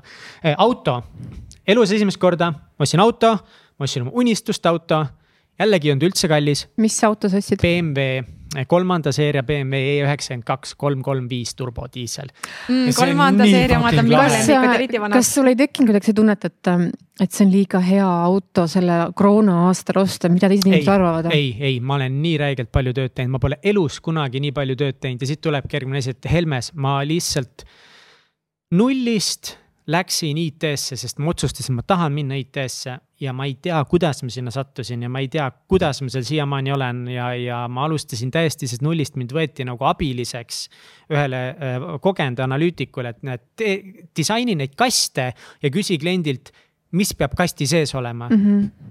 ja siis pane kohtumine paika. tubli Mihkel, mine istu nurka ja tee seda. ja nüüd ma teen süsteemi analüüse mm. -hmm. Ja see on toimunud kahe aastaga täpselt, et ma olen väga, nii tänulik. väga tore karjäär jah mm. -hmm. et äh, mis on mind seal aidanud, see, et ma ei julge nagu, või tähendab, äh, ma ei karda küsida, ma küsin iga päev kõikidelt arendajatelt, kõigilt inimestelt kõige lollamaid küsimusi kogu aeg, mida see tähendab, mis see teeb, kuidas see tuleb ja, ja see on nagu, ma olen nii uhke selle üle, et see on nagu vinge, et mul on seal nii hästi läinud. Meie podcast, et kõik see, mis me teinud oleme mm, -hmm. et see, et te täna siin olete, see, et Maraton stuudio meid mm -hmm. siin nagu aitas mm. -hmm. et Marko Olo ja teised kutid äh, kutsusid mind metsa matkama suvel kuskile meestega, ma olen alati unistanud olla mingis meeste pundis nagu sees. sest mul on naised kõik ümber, noh. kats, noh. Egert ei ole naine, kurat, Egert istub seal, noh. ja siin ka täna on õnnistus ol, olla ümbritsetud kaunitest ja edukatest ja, naistest. ma otsin nagu võib-olla elus tegelikult ma otsin nagu seda mingit isa figuuri tihti. ja siis ma nagu vahel ei saagi aru, kas ma tahan lihtsalt meeste seltskonda või tegelikult ma tahan lihtsalt nagu mingit sihukest mm. nagu. et igatahes see meeste retk oli nii lahe, mis suvel toimus ja need ongi nagu siuksed peamised suured asjad, meil koer ka. ma olin kolm aastat võitlesin vastu, et me ei võta koera. aga tegelikult on päris nunnu. ma tean seda, ma olen ka võidelnud ja mõtlesin, miks ma varem ei öelnud jah-sõna. sina olid koera võtmise ja vastu. mina olin ka oma esimese koera võtmise vastu, aga mina ütleks selle kohta ka, et minu üks highlight on ka see, et sul on nagu lihtsalt neljajalgne sõber kodus, kellel on kogu aeg hea tuju ja sellest on nii palju nagu inimestel üle õppida ja nagu kanda, nii et super aga tundub, et kõigil on nagu päris kihvtid aastad olnud minu arust mm. mega, vaata just sellist eneseleidmist, sellise praktilisi nii-öelda kaalutlusi. No tõesti, nagu Signe siin küsiski, et kuule, kas auto koroona aastal ei olnud nii-öelda noh, liiga palju. et see mhm. ongi, et ei olnud, ma väärin seda. ma olen selle jaoks nii palju tööd just. teinud. ja miks ma tean, et see on just äh, see oktoobris ostsin selle või noh, liisisin, mis mõttes, liisingusse, panga oma on, mitte minu oma ehm, aga siiski sinu otsus ei, ja kõik muud otsus, minu bemm, ma olen väga rahul, mul töökaaslased kinkisid mulle selle bemmi nokamütsi ka. ja siis esimest korda Tartus või mitte mingi teist korda kandsin seda, politsei võttis vahele ja mul käis just eh, mingi Nublu laul Megapõhjas mul oli bemmi nokamüts oh, peas siis bemm tõmbas äh,, politsei võttis vahele, see oli naljakas. miks ta sind vahele võttis, seda lugu ma ei tea. ei, mitte otseselt mind tegelikult, lihtsalt sõitsin mingit kontrollist läbi. aga see oli nagu mingi väike kontroll kuskil kõrval tänaval. aga see on mu elu raskem aasta olnud ma ei ole elus kunagi nii õnnetu olnud, kui ma olen sellel aastal olnud. Ma ei ole kunagi nii segaduses olnud, võib-olla noh, mingi jätame teismeli, teismelisaja mhm. kõrvale, võib-olla seal nagu olid teised rasked ajad, aga otseselt viimase kümne aasta jooksul nagu kõige rohkem segaduses, vihane, pahur, õnnetu, on ju noh, prioriteedid kõik paigast ära, väsinud, kurnatud, kopp ees kõigest. nii palju negatiivseid tundeid, samas nii imelisel aastal mm. -hmm sest et ma ütleks selle kohta, et see on see muutuste protsess, vaata noh, igasugune muutus tekitab segadust, on ju. paremale-vasakule otse, teen, ei tee, julgen, ei julge noh samas see ongi nagu, lihtsalt ongi nagu elutee või et me ei saagi kogu aeg noh, ainult tõusta kuskile tippu, et meil ongi erinevad emotsioonid, erinevad tunded nagu raskused, väljakutsed mm. -hmm. küsimus ongi siis, et kas me jääme nagu kuskile raskustesse mm -hmm. nagu mhm. kinni yeah. või me nagu lähme sealt nagu edasi või huvitav, mul oli ka vennaga jõulude ajal arutelu, kui Mihkel siin tõi välja, et ma läksin Helmesesse lihtsalt, ma läksin. ja mis arutelu meil siis oli, oli see, et tihti inimesed valivadki sirgjoonelise mm -hmm. tee ja nad ei julge teha neid jänkuhaake Mm -hmm. vot ja need inimesed, kes need jänkuhaagid nii-öelda vasakule ja paremale teevad, nemad satuvadki sellisesse eneseotsimise protsessi.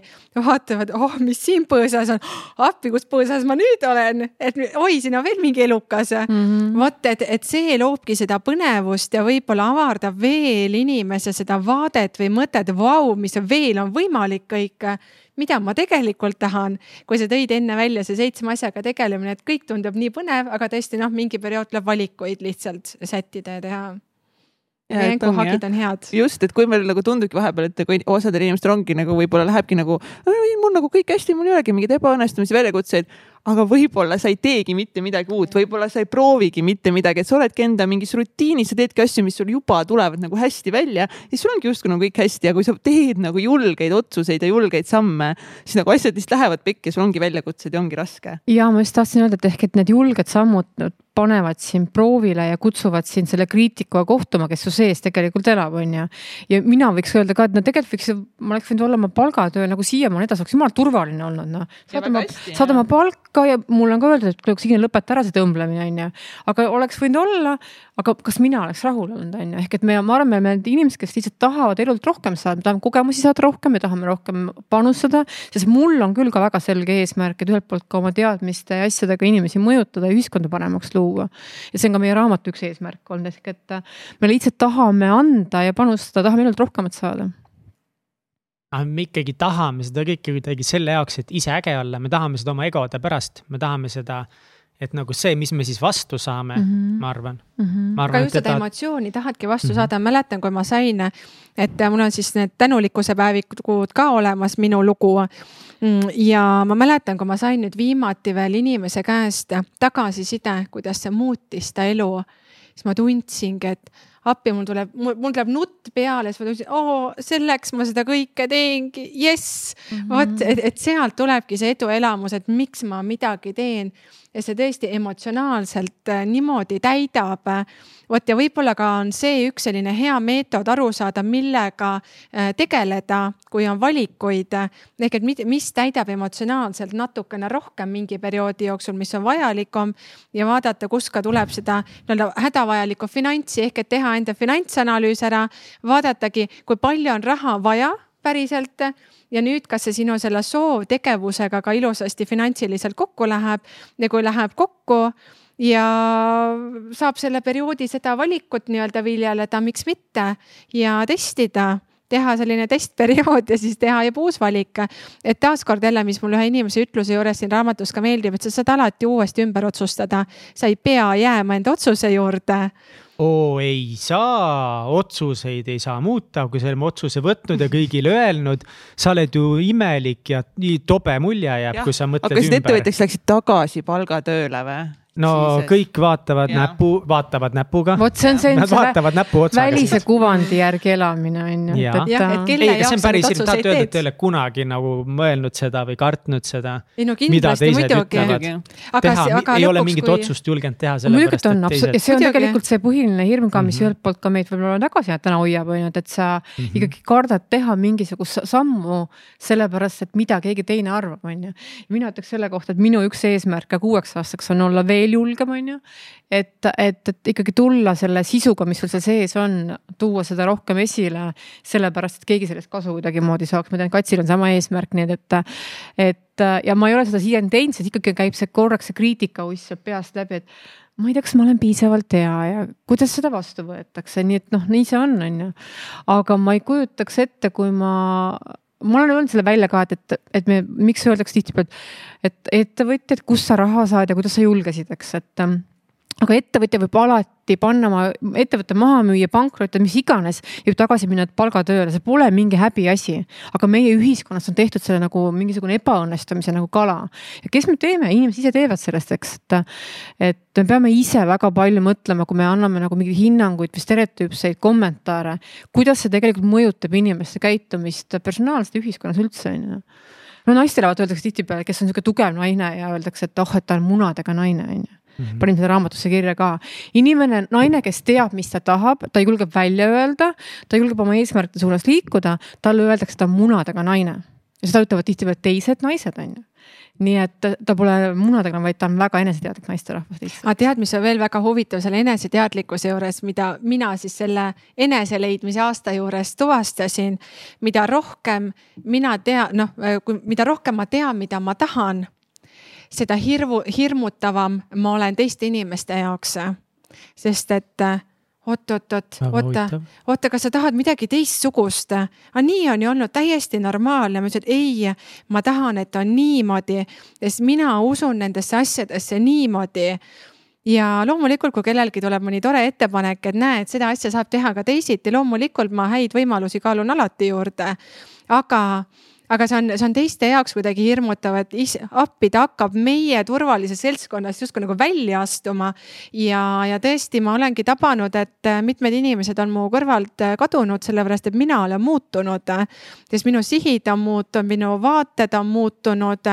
ma tean, mida ma tahan, ma ei lähe igasuguse provokatsiooniga kaasa enam ja see on enda jaoks ka kohati natuke hirmutav mm. -hmm. aga samas ma tean, miks ma seda teen ja kui ma selle otsuse peale mõtlen, kui hea tunde see minus tekitab.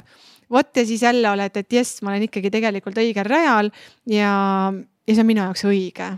hirmud on väga hea teema Eh, väga palju ikkagi saame aru, et väljakutsed on ka olnud ja hirmutavaid hetki on sellel aastal on meil kõigil eh, Katrin. ja Mihkel.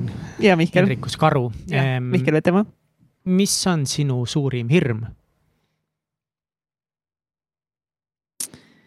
Minu eh, suurim hirm on eh, paista välja eh, rumalana ehk siis et ma jään mingis olukorras justkui lolliks. ehk siis ma kardan uusi olukordi, uusi väljakutseid, uusi inimesi nagu kõike, mis on uus, on minu üks kõige suurimaid hirme. ja kuidas sa sellel aastal oled pidanud selle hirmuga vastu seisma või tegelema või kuidagi seda kontrolli all hoidma, oled sa pidanud? Eks see, eks kindlasti, aga ma arvan, et üks nagu kõige suuremaid asju ongi nagu selle iseendale eh, teadvustamine. et see on nagu üks minu suurimaid hirme ja üks minu kõige suuremaid eh, eh, takistusi elus, mis mind mis takistab võib-olla unistustele lähemale ja jõudmast veel kiiremini. et ongi see, et ma nagu, et ma kardan, et mul ja mul on nagu hirmud ja mingid teemad ikkagi sees, ma olen juba selle nagu tead-, teadvustamine iseendale on olnud nagu väga suur samm sellel aastal ja ja see ka, et üks kuu, kui ma tegin seda eh, Joe Dispenza väljakutset, et üldse nagu hakata välja kirjutama kõiki oma neid eh, siis eh, vääruskumusi enda kohta, üldse uskumusi, mida, mida ma üldse mõtlen päeva jooksul. no et ah, ma ei julge seda teha, ma ei oska seda teha, ma kardan seda, et juba nende nagu väljakirjutamine ja nendega nagu tegelemine on, ma arvan, juba olnud nagu suur samm edasi.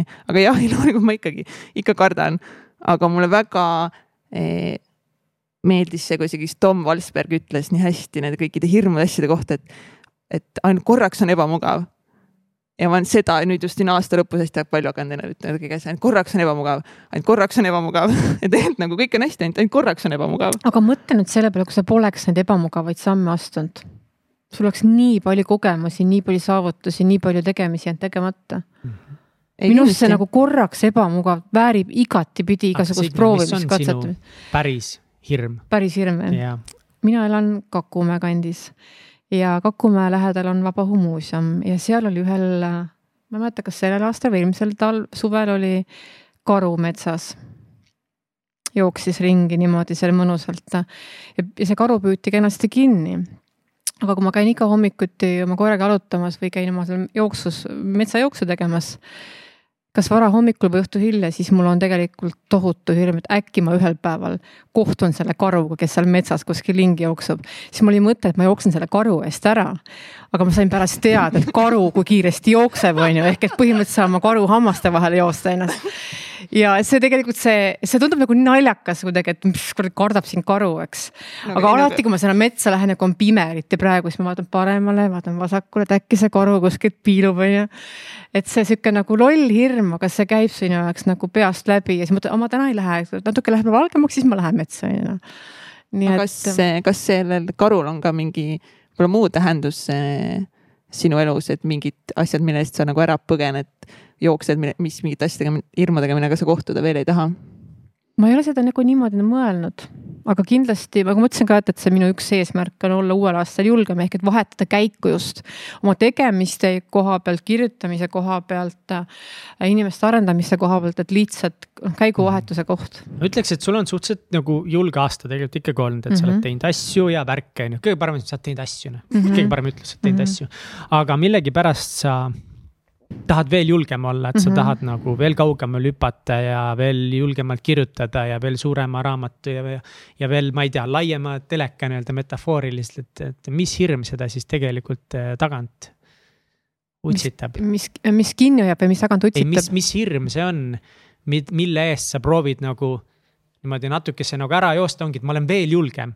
Ma olen veel mm. julgem, aga miks? mulle äh, ja tegelikult võiks olla vabalt äh,, vabalt nii nagu täna on, sest on tõesti nagu nii palju asju tehtud ja nii palju asju nagu saavutatud. aga mulle endale hästi meeldis üks hetke, hetkeolukorra kaardistamise mudel, Paul Gilberti oma vist, kui ma käisin Elina Ojastu mindfulness'i kursusel. siis äh, ta tõi hästi välja tegelikult, et inimesed, kui sa oled selles negatiivses stressifoonis ja oled selles dopamiini laksu tagaajamise foonis, edu ja spordielamus ja olümpiakuld ja ma ei tea, mis kõik, on ju. siis mõlemad nagu tegemised viivad sind lõpuks nagu läbipõlemise nagu faasi. ja, ja ma pigem ma ei kui sa kujutad, mis see siis nagu hirm on või mida siis, kuhu siis veel, eks. siis ma pigem ütleks nii, et, et, et ähm, on asju, mida võiks võib-olla nagu teistmoodi teha, aga ma pigem ütleksin ma, et ma tahan kindlasti teha asju nii, et see protsess peab olema nagu tõeliselt fun, et ma nagu naudin protsessi. kui ma peegeldan tagasi selle koroona aastale ka, siis ma olen õppinud väga palju eesmärgi seadmise protsessi nautima. ja see on, ma ütleks selle kohta eesmärgi saavutamiseks üks edu võti. et see protsess peab olema igati fun, mitte et see sul on nina veris väljast on ju, et sa pingutad ja pingutad ja ei naudi seda asja. et ma pigem järgmine aasta võiks olla sama äge, aga veel rohkem teadlikumalt kohal ja veel rohkem nautida. said sa mu küsimusele vastuse? ei, aga see on okei okay,, sa andsid teistsuguse vastuse okay.. tead, Signet kuulates tegelikult siis jälle selline äh, teraapia nüanss juurde just, et kuulates, siis tegelikult on hirm selle ees, et kui ma eesmärke korralikult ei saavuta, ei tule edu et, et, et ikka kindlalt soovida, et tegelikult protsessid oleksid töös. jah, kui küsida, et miks eesmärgid üldse vajalikud on, on ju siis ma ütleks sellega, et ühelt poolt see annab sulle nagu suuna, kuhu liikuda mm. -hmm. aga, aga eesmärk võib-olla ei pea tõesti olema mingi väga uhke või suur, on ju. aga võib-olla see annab nagu tõesti selle nagu lähenemisviisi, kuidas sa teed asju, kuhu sa liigud. sest kui ma mõtleks, kui mul poleks täna siiani olnud eesmärke kirja pandud või nagu tegemisi, siis ma ei tea, kus ma täna oleks. ma arvan, mitte siin kindlasti mina ise olen väga eesmärgi usku, aga kindlasti on inimesi, kes on nagu sellised nagu pikema flow'ga ja naudivad hoopis teistmoodi. Äh, ma näiteks küsisin siin enne, et kas teed aastaplaane ja eesmärke siis, siis seitsekümmend üheksa protsenti inimesi on juba vastanud, et teed aastaplaani eesmärke, nii et me kindlasti räägime aasta kokkuvõtmisest mm -hmm. ja eesmärkide tegemist ja järgmise mm -hmm. aastase vaatamist, aga enne seda. Kristi, mis on su suurim hirm? minu suurim hirm, seda ma olen hästi pikalt ka ise teadnud, on kindlasti üksildus üksindus ja üksildus. et ma, miks äh, üks osa minu nendest saavutustest on just see, et ma pühendan rohkem aega perele. sest üks kõige suurem ja õudsem asi, mis saab minu jaoks juhtuda, on jääda oma ego pärast perest ilma sellepärast et, et ma liiga hullult võib-olla ajan enda asju taga ja, ja ma võin nende otsuste pärast, mis on nagu ego baasilt tulnud, perest ilma jääda enda lähedastest ilma jääda. et seega ma olen nii tihti pannud asju kaalukausile, kui ma teen nüüd selle valiku, mida see tähendab minu jaoks pere mõistes. olgu, kui oleks päriselt olukord, et tõesti mul on valitud elukaaslane, kes on, et ah, ei tunne päris seda õiget tunnet, et noh no võib-olla tead, siis ma ei võtaks seda asja nii tõsiselt. aga kuna ma sisimas tean, miks ma ta valisin, miks me kokku saime, miks meil on kaks last, siis ma lihtsalt, ma lihtsalt ei tee mitte ühtegi otsust sellel suunal ja ma seaksin selle asja ohtu. et, et tõesti selline kontekst minu jaoks on kõige-kõige tähtsam. Mihkel, mis on sinu suurim hirm? võib-olla teha vale otsus minu kõige suurim hirm, mis ma nagu, ma olen arvanud kogu aeg, et minu kõige suurem hirm on, või mul on sama hirm. on ikkagi see, et ma kardangi nagu nii väga, et ma nagu usun, ma usun, et minus on nii palju potentsiaali.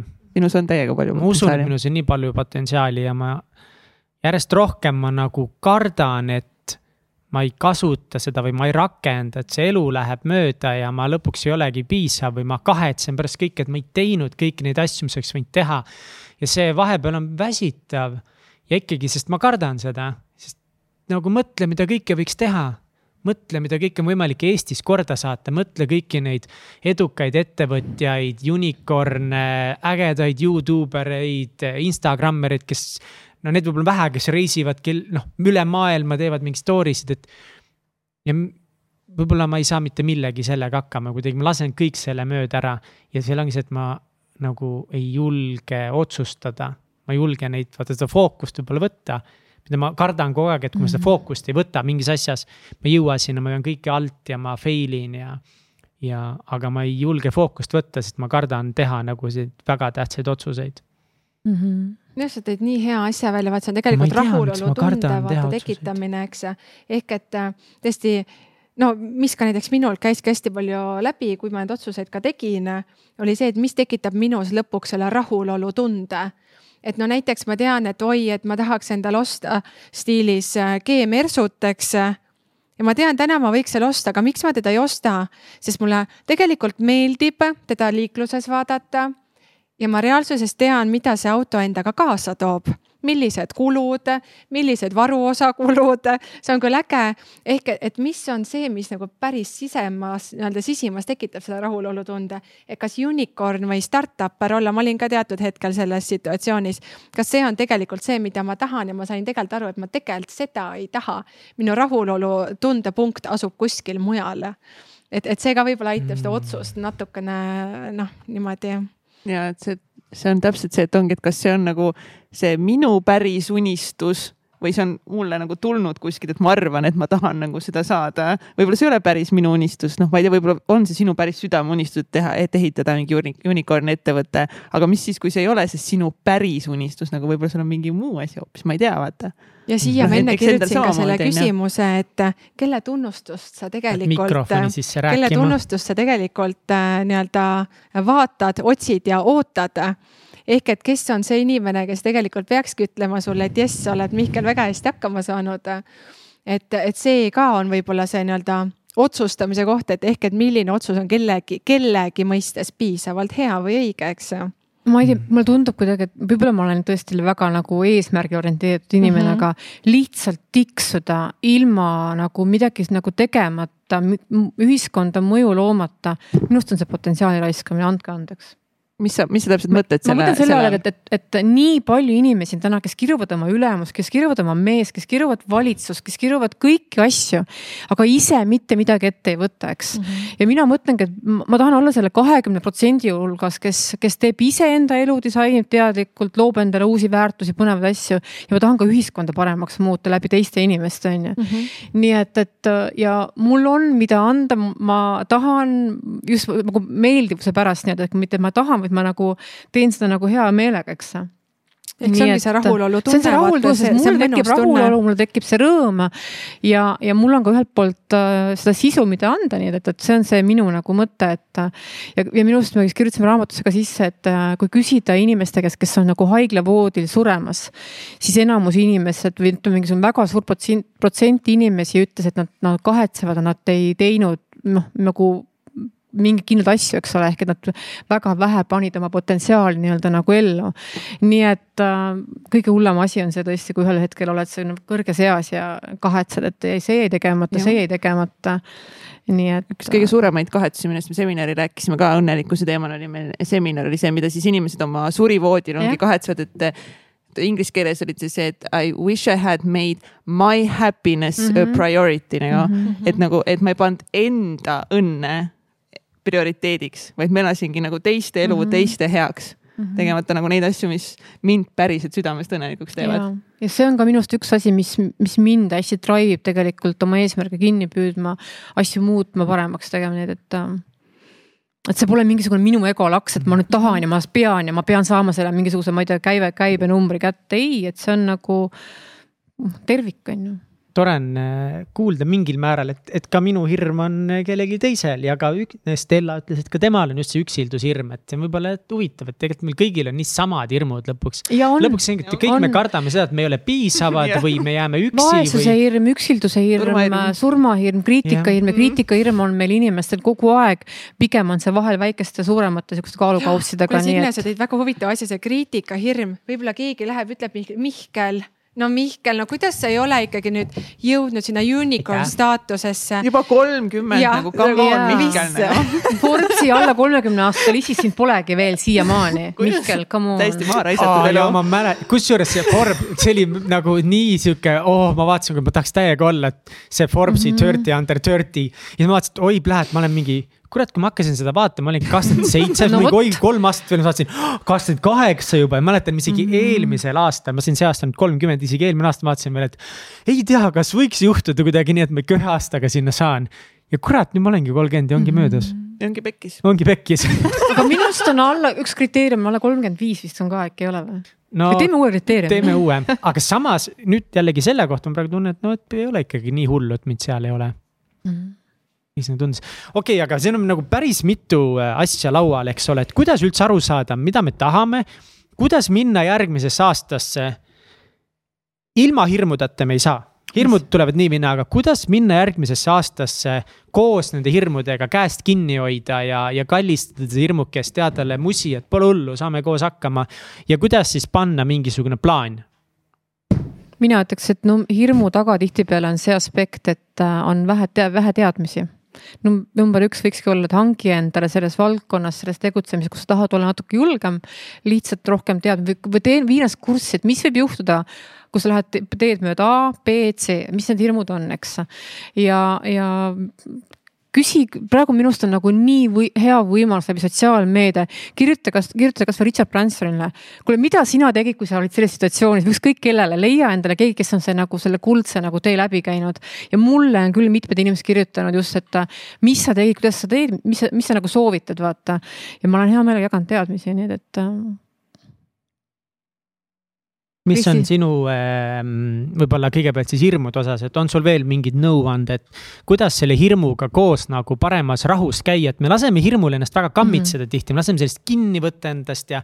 ja see hoiab meid tagasi ka, aga hirmust nagu täitsa nagu lahti võib-olla ka ei saa või saab või kuidas minna koos hirmuga edasi? teate, tegelikult hirm on üks hea asi kokkuvõttes on hirm väga hea mm. -hmm. sest hirm on see, mis paneb sind liikuma mm. -hmm. hirm, kas siis selle vaesuse ees või edu ees või ükskõik mille eest, ta tegelikult paneb liikuma. ja teistpidi tasuks hirmu peale mõelda ka kui elevuse peale. sest see hirm ongi võib-olla see sisemine väikene kipitus, et vau, ma võin seda saavutada, aga näed, see on hirmus ka. samas see hirm ütleb sulle, et kuule, et aga ja sa võid ebaõnnestuda ka, aga siis see paneb sind mõtlema, aga mis ma pean tegema, et ma ei ebaõnnestuks. mis on need sammud, mida mina saan teha, et ma õnnestuksin kes on tõesti need inimesed, kes mind aidata saavad? millist raha ma võib-olla vajan selle jaoks, kust ma selle raha saan näiteks?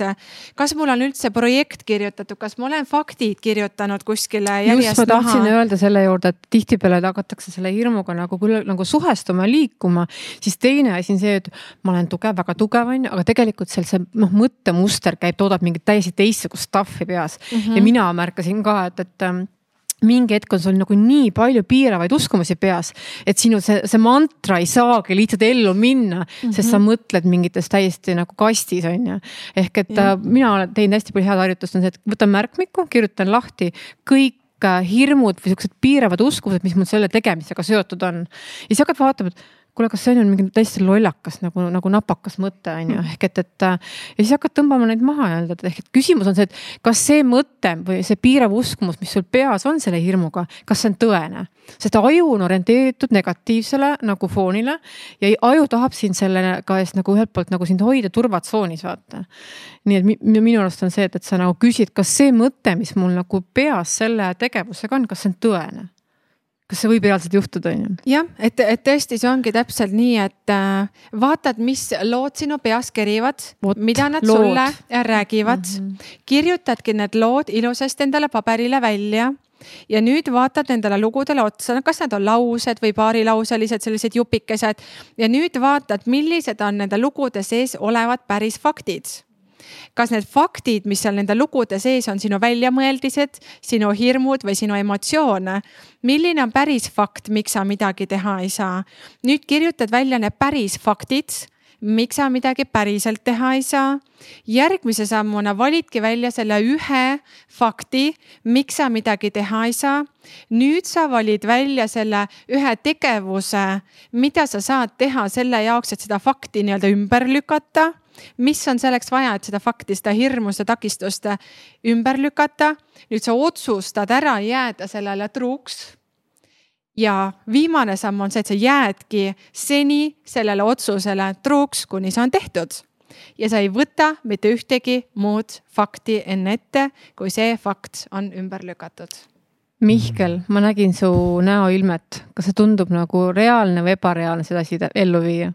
Reaalne, ei no ebareaalne, kes see viitsib kirjutada nii kaua. kes see viitsib kirjutada? kes see viitsib seda kõike kirjutada, sa pead aega võtma miks selle jaoks. inimesed saavutavad eesmärke. ma tahan seda Mandalooriani teist hooaega vaadata no,. ei taha kirjutada. vot Mihkel, siia seni ongi seitse teemat tead, ma arvan tegelikult, et ei pea nii palju kirjutama, aga, aga noh, et, et kirjuta lihtsalt paar asja kas välja, et mis, joonistage sihuke päike noh, mhm. keskele oma eesmärke, see suur hirm ja mis sul sellega seotud yeah. on. mõnele sobib väga, näiteks Jenny on hästi nagu kirjutaja, tema kirjutab väga tugevalt lahti kõik mm. -hmm. ma vahepeal nii imetlen ka, kuidas tagi nagu tal tuleb mingisugune mure või, või väljakutse või idee mm -hmm. või siis ta kuidagi kirjutab selle nii lahti ja visuaalselt mm -hmm. kirjutab, mõtestab, otsib, vaatab ja liigub natukese aja pärast edasi. ma just tahtsin öelda, ta leiab ka vastused. ja leiabki vastused. see journaling on üks imevahend äh,, see on tasuta tööriist, aga miks seda inimesed nii vähe kasutavad, sest on laisad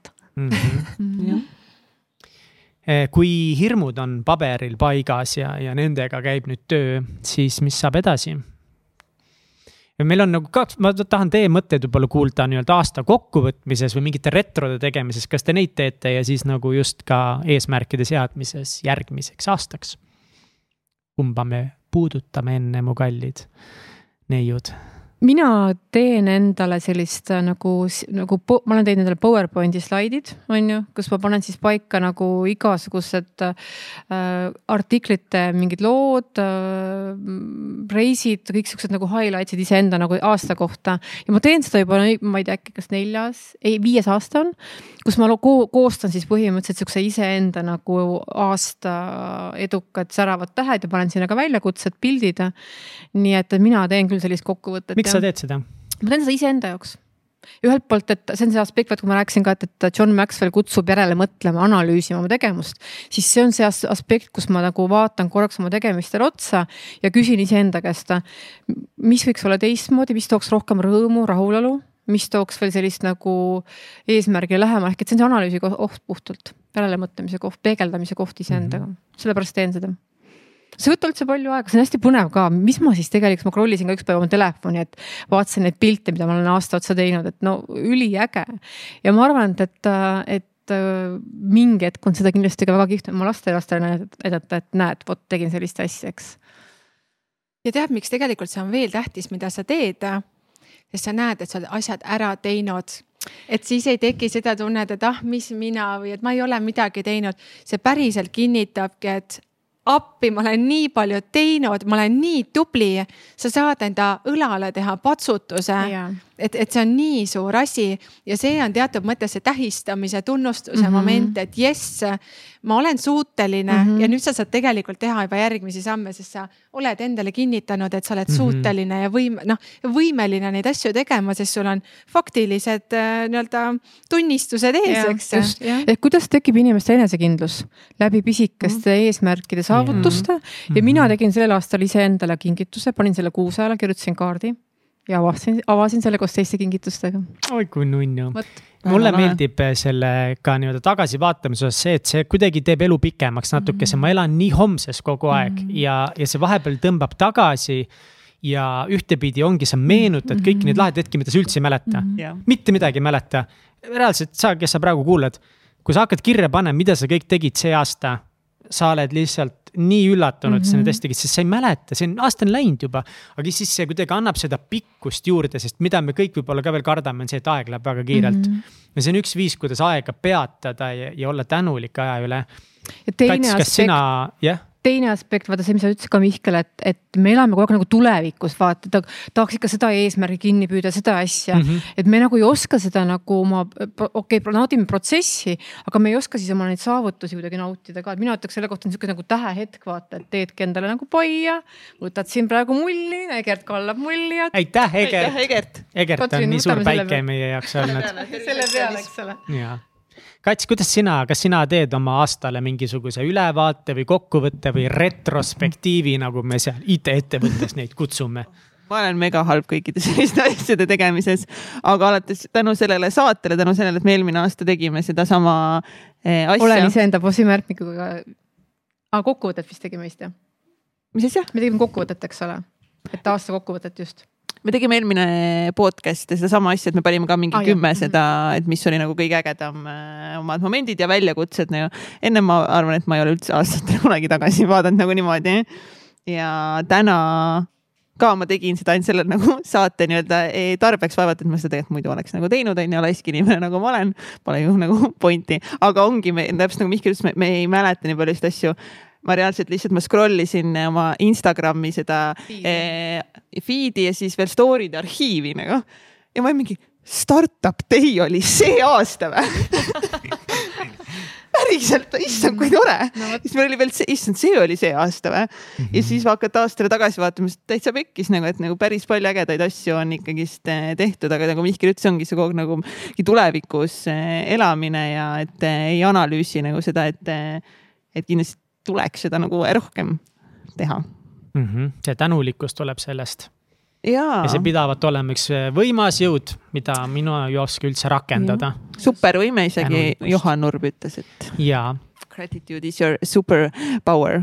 aga kuidas jah. siis seada eesmärke siin äh,, oo auto power off me oleme nii pikalt juba rääkinud, telekas ütleb ka, et. kuidas seada eesmärke? No, mina ei tea, mina olen sellel teemal nii palju rääkinud ja kirjutanud ka ja eelmine, eelmise aasta see Täitsa Pekkis äh, podcast oli ka sellel teemal. aga võta uuesti kokku, kõik ei ole seda kuulanud. mina ütleks selle kohta, et kui sul on nagu üks-kaks ees suurt eesmärki järgmiseks aastaks, siis tee need tükkideks ja hakka nende, nendele lii, lähemale liikuma saja päeva kaupa ehk kvartali kaupa põhimõtteliselt. et sa teed selle suure tüki tükkideks või selle suure eesmärgi tükkideks ja sa paned paika tegevused, kaks-kolm tegevust, mida sa teed kolme kuu jooksul põhimõtteliselt iga päev. ja siis võtad jälle, kus on kolm kuud on möödas, teed kerge analüüsi, mis läks hästi, mida peaks teistmoodi tegema, jälle kolmeks kuuks eesmärgid ja mina liikusin näiteks väga teadlikult selle süsteemi järgi ka sellel aastal.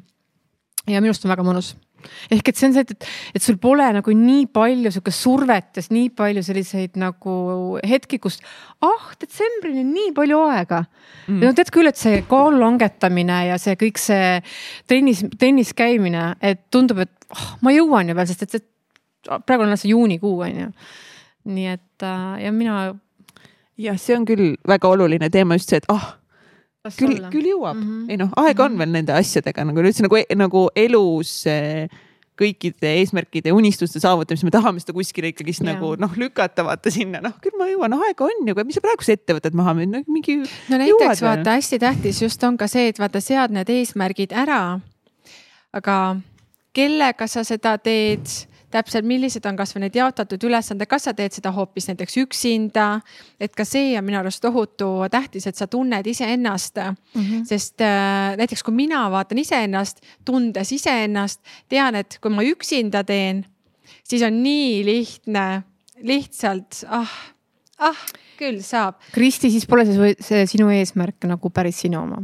kui sa tegelikult, miks me inimesi allanud eesmärkide koha pealt, sellepärast et äh, see eesmärk pole võetud päris enda omaks. aga tead sa, siin on nii palju faktoreid just selles mõttes, et kes siin vahepeal jooksis, eks, et, et laps jooksis sisse. et äh, kuna ma ka panustan perele ja ma tahan eesmärke saavutada, mis ei ole mitte väiksed, siis see koostööpartneri kaasamine on tegelikult ka väike kiirendi et me jagame ülesanded, sest mina ei ole väga paljudes asjades üksinda tugev. mul on endal teada, noh endale teada, milles mina ei ole väga hea, siis ma leian ka endale koostööpartneri, kes on mingisugustes asjades hea või parem äh, kui mina ja me saame tegelikult koos saavutada palju kiiremini tulemust mm -hmm,. kusjuures ma saan ka oma igapäevase eraelu selle sisse ilusasti nii-öelda ära mahutada mm. -hmm. ja ma olen Kristiga selle koha pealt väga nagu nõus, et koos on ikkagist niivõrd palju selles mõttes lihtsam asju teha, ma usun, et nagu kui ma oleks seda podcast'i hakanud nagu üksi tegema, siis me poleks täna kindlasti siin, kus mm -hmm. me oleme nagu, et kui me teeme seda Mihkli, Egerti ja teistega nagu koos ja siis me ikkagist ei anna nagu nii lihtsasti tegelikult nagu alla ja pluss koos on nagu vist nagu nii palju lõbusam ja kuidagi nagu toredam. igasugust edu tegelikult saavutatakse alati ju mingisuguses koos. ma olen mingi seitseteist korda vähemalt mõelnud, ah oh, ma ei viitsi seda episoodi praegu minna tegema või nagu alati mm. kohale jõuad, on ülilahe. Mm. aga see mingi, oh üldse ei jõua ja mingi, mõnikord on niimoodi, et ei ole saatekülalist nagu ette valmistatud õigeks ajaks või me ei ole saatnud videod ära õigeks mm. ajaks aga no mis siis ikka juhtub, kui me seda ühte episoodi nüüd üles ei pane, kui ma oleks üksi, siis oleks olnud niimoodi, et no lihtsalt mingi nädal ei tule episood välja ja ei tule teine, ei tule kolmas. ja nii ongi. ja mingi ongi. hetk ma nagu valetan endale hästi pikalt mm. -hmm. ei, ei, ma teen, ei, ei, ma hakkan, aga siis ma tean, et tegelikult ma olen ammu juba alla andnud ja siis lõpuks läheb nii kaua aega mööda, kui sa siis nagu julged tunnistada kõigile, et ai, ma ammu seda jätsin pooleli ja seda pole mõtet enam teha. et nagu koos üksteist on toetada. aga ma hea. korraks mõtlen ka selle, kui ma nüüd sügisel oma sellise viimase selle kvartaalse kolme kuu eesmärkide potiga nii-öelda startisin. siis ma mäletan, ma tegin perekoosoleku õhtul, tegin süüa kõigile ilusti, midagi head ja ütlesin nii, mul on kolm suurt eesmärki aasta lõpuks ja andsin kõikidele teada, et, et ma palun teie toetust, need on keskmiselt suuremad kui muidu ja palun teie. kui Signe ütleb, et nad on keskmiselt suuremad kui muidu, siis noh, siis osade jaoks on mingid tohutud massiivsed nagu.. no raamatuga vaja valmis kirjutada, eks ole, ja kõik muud asjad, ehk ma andsin ka ühelt poolt nagu väga selge kommunikatsiooni oma mehele ja oma lastele. et nad, et kui teil pole väga suuri eesmärke, siis ma palun teie toetust mingites aspektides. ja see oli nii tore, kus nad tegelikult väga toetasid aga ma se, sellepärast nad, nad oskasid nagu, nagu teadsid, ma olin kommunikeerinud seda väljapoole. aga tihtipeale, eriti just naised, kes on nagu noh, tublid, tahavad olla naised, emad, ettevõtjad, pusivad oma asju üksinda. et tuleb kommunikeerida, nagu ütles Kaja Kallas ka, et, et me peame oskama küsida abi inimestelt. aga kas sa julged välja öelda nagu oma eesmärgi? mõtle, et see on ju hirmus, kui sa selle välja ütled, siis kõik teavad vot, aga siis teised ju saavad arvestada ja, ja just, et just, vaata, et siia ma tooksin võib-olla ka selle mõõtme siis, et Signe vaata rääkis suurte laste perekonnast. minul on äh, perekond, kus on üheaastane laps, kes öösiti ei maga mm -hmm. täit ööd kaheksat tundi ehk mul on suurem osa magamata öid. Ja ma ei kujutaks isegi oma elu ette et kui äh, mul elukaaslane hommikuks ei, hommikul ei võtaks last üle, mina saaks veel tunnikese või kaks magada. et see kõik on tegelikult niivõrd ka hästi tähtis, eks, et just see nii-öelda teine osapool võtabki tõesti selle informatsiooni vastu ja nii-öelda tuleb siis kasvõi nende nii-öelda magamata ööde arvelt, et see on just jutt nendele naistele, kes mõtlevad, mul on veel väiksed lapsed, ma ei saa. et, et kuidas see siiski tegelikult teha võimalikuks, jah? no mina ütleks selle kohta, mul on küll suuremad lapsed aga siiski äh, vahet pole, kas su laps on suur või väike äh,. ta vajab siiski oma ema nii-öelda, et sa pead mm -hmm. olema kuidagimoodi kohal niikuinii on ju ja, ja isegi kui sa oled, kui sul on mees, siis see mees tahab, et see naine on kodus, nagu Mihkel rääkis, et ta on kogu aeg ära. Mhm. et vahet pole, mis see situatsioon on, me tahame olla kogu aeg kellegiga nagu koos ja tegelikult see ongi normaalne. aga kui me ei räägi oma eesmärkidest, oma tegemistest, siis ei saa keegi sind toetada sellel teekonnal ma vaatasin Mõtlen. neid eesmärke, mis no, ma nii. panin eelmine aasta või siin nagu tähendab needsamad, millest me enne rääkisime, mediteerimine ja, ja enamus, kõik läksid nässu. kõik eh, eesmärgid, mis ma panin saja päeva kaupa enamus neist läksid äh, nässu, nii et äh, Signe, ma ei tea, mis värk on, kas sa nüüd vastutad meesmärkide pärast, panin sinu märkmikusse puha aga, aga ju nad siis ei olnud päris sinu olid eesmärgid. küll päris. näiteks, mis äh, oli päris eesmärk? see oli eesmärk? väga päris lugeda, niisugusena on iga päev mediteerida, eks ole, sada päeva, nii selle ma võitsin, see oli ainuke eesmärk, mis nendest siit õnnestus. aga tegelikult siin on, siin, siin kõige lõpus on silver lining ka nii-öelda. siis oli see, et õhtuti lugedes, ma tahan, mulle tegelikult hullult meeldivad raamatud mm -hmm. ja ta-ta-ta, aga mida, mida ma olen aru saanud, on see, et raamatute lugemine väga ei juhtu see on jälle see asi, mida tegevust ma naudin, mille hetkes mulle meeldib olla ja ma olen aru saanud, et ma ei tohi lugeda ainult nagu enese äh, raamatuid, vaid ma loen ka fiction'it ka, science fiction'it. siin sain mõne väga huvitava autori kohta teada. isegi seda sa pead sisse planeerima ja siis ma planeerisin seda ja siis see läks ikka pekki, ei tulnud välja, mingi hetk ma ei lugenud, siis ma panin päevad, siis ma sain aru, et mul on hommikurutiine vaja, et kõik mm -hmm. need asjad nagu toimiksid, mida elus teha tahan, siis ma panin, kirjutasin siia paika, on ju, sada päeva hommikurutiini, läks nässu. siis ma panin, et noh, pärast sada päeva mediteerida, panin, et aasta nüüd mediteerida jutti. see läks nässu, panin, et iga päev mingi hetk, siis mul oli mingi trenni asi, mis läks nässu, siis ma panin, et lihtsalt iga päev teha trenni ja liigutada oma keha see läks nässu ja siis üks on siin veel pooleli, et kaks tuhat kakskümmend aasta lõpuks siis läbi lugeda viisteist raamatut, kas äh, füüsilise või audiobook'ina eks ole, ja see on, noh, see on nässu minemas seda ma võin öelda. sa veel jõuad, kaks päeva on aega. ma veel jõuan, aga see on noh, tegelikult ei jõua. see on äh, nässu minemas ja siis sa nagu mõtled, et aga mida sa paned neid kuradi eesmärke, sellepärast et kõik nad siin läksid nässu, enamus nendest ei toiminud, aga siis ma hakkasin äh, siin on vaata, õnneks siin on need eesmärk, tegevused, tulemused, kuidas saaks veel paremaks Just. minna. ja siis ma vaatasin, et aga mis need tulemused ikkagi olid ja siis ma taipasin, et noh, mida ma nii palju juba öelnud ka, et ma tegin ikkagi sada päeva jutti midagi, ma tegin viiskümmend kuus päeva jutti midagi, ma jõudsin juba mingi kolm raamatut mingi ajaga, on ju. Mhm. progress on toimunud. ja kui ma hakkasin neid tegevusi ja tulemusi kirja panema, siis ma sain aru, et tegelikult nii palju progressi on toimunud, nii palju mm -hmm. ma olen mhm. midagi ikkagi ära mm -hmm. teinud ja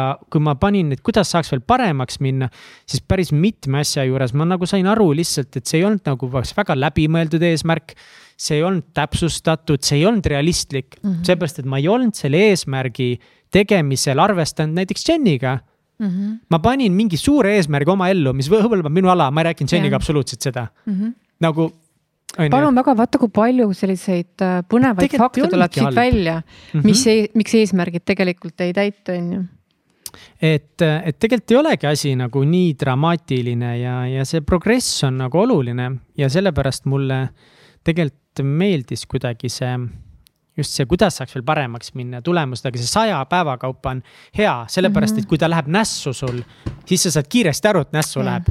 kui sul on terve just. aasta aega selle eesmärgi jaoks, siis ma oleksin alles täna aru saanud, et kõik need äh, kuus asja seal ja mõtle nüüd selle peale, et kui sa ei suuda sada, sajal päeval seda nagu fookust hoida, kuidas sa suudad hoida kolmsada kuuskümmend viis päeva, never ever mm. -hmm see on peaaegu võimatu põhimõtteliselt. see on ikka noh, vaata, see on suur pirukas, et kui tõesti see pirukas juppideks jagada, mina olen näiteks iseenda puhul jälginud seda, et äh, üritasin mingi hetk mitte saia süüa näiteks. sõid leiba jah ei, et äh, kui ma äh, võtsin eesmärgiks, täitsin tänulikkuse päevikut ja ma iga hommik kirjutasin, ma olen täna tänulik selle eest, et ma ei söö saia. siis ma suutsin tänase päeva alati vastu pidada aga nii kui ma kirjutasin, et ma järgmised nädal aega saia ei söö, siis läks tegelikult asi juba untsu ehk et minu jaoks töötas see igapäevane meeldetuletus, et ma seda asja ei tee või et seda asja ma teen. jah, noh, selle kohta öeldakse või need targad, targad tähtsad mehed ütlevad, et äh, eesmärke disainitakse igapäevaste harjumustega, nii et palun väga mm. -hmm Mm -hmm. nii on. jällegi Jenny teeb väga hästi seda, mida ma näen, et tema vaatab iga hommik oma nagu mingit ka kvartali eesmärki. Jenny on sul läbi. väga heaks eeskujuks. on, aga see on ka vaata nagu mõnikord väga lähedased inimesed on just halvaks eeskujuks selles mõttes, et äh, see võib tekitada trotsi nagu ja. või mingit, ma nagu, või trots on vale sõna, ei ma ei taha tunnistada mm, -hmm. et tal on õigus, ma ei taha tunnistada mm -hmm. mõnikord, et ta on hea eeskuju. ma nagu saan aru küll, et ta on hea, aga mingit, noh, ma ei taha tunnistada mm. -hmm taha tunnistada. see on nii inimlik tegelikult on, see... ja see taipamine, et sa jõuad selleni, et ma ei taha seda tunnistada, et tema on nii tubli ja see on tegelikult juba tohutu eduelamus mm. -hmm. sest sa tead, kuskohast see tegelikult tulla võib mm -hmm. ja mhm. mis seda nii-öelda esile toob siis, mis siin võib-olla natuke ajab niimoodi trotsi mm. -hmm.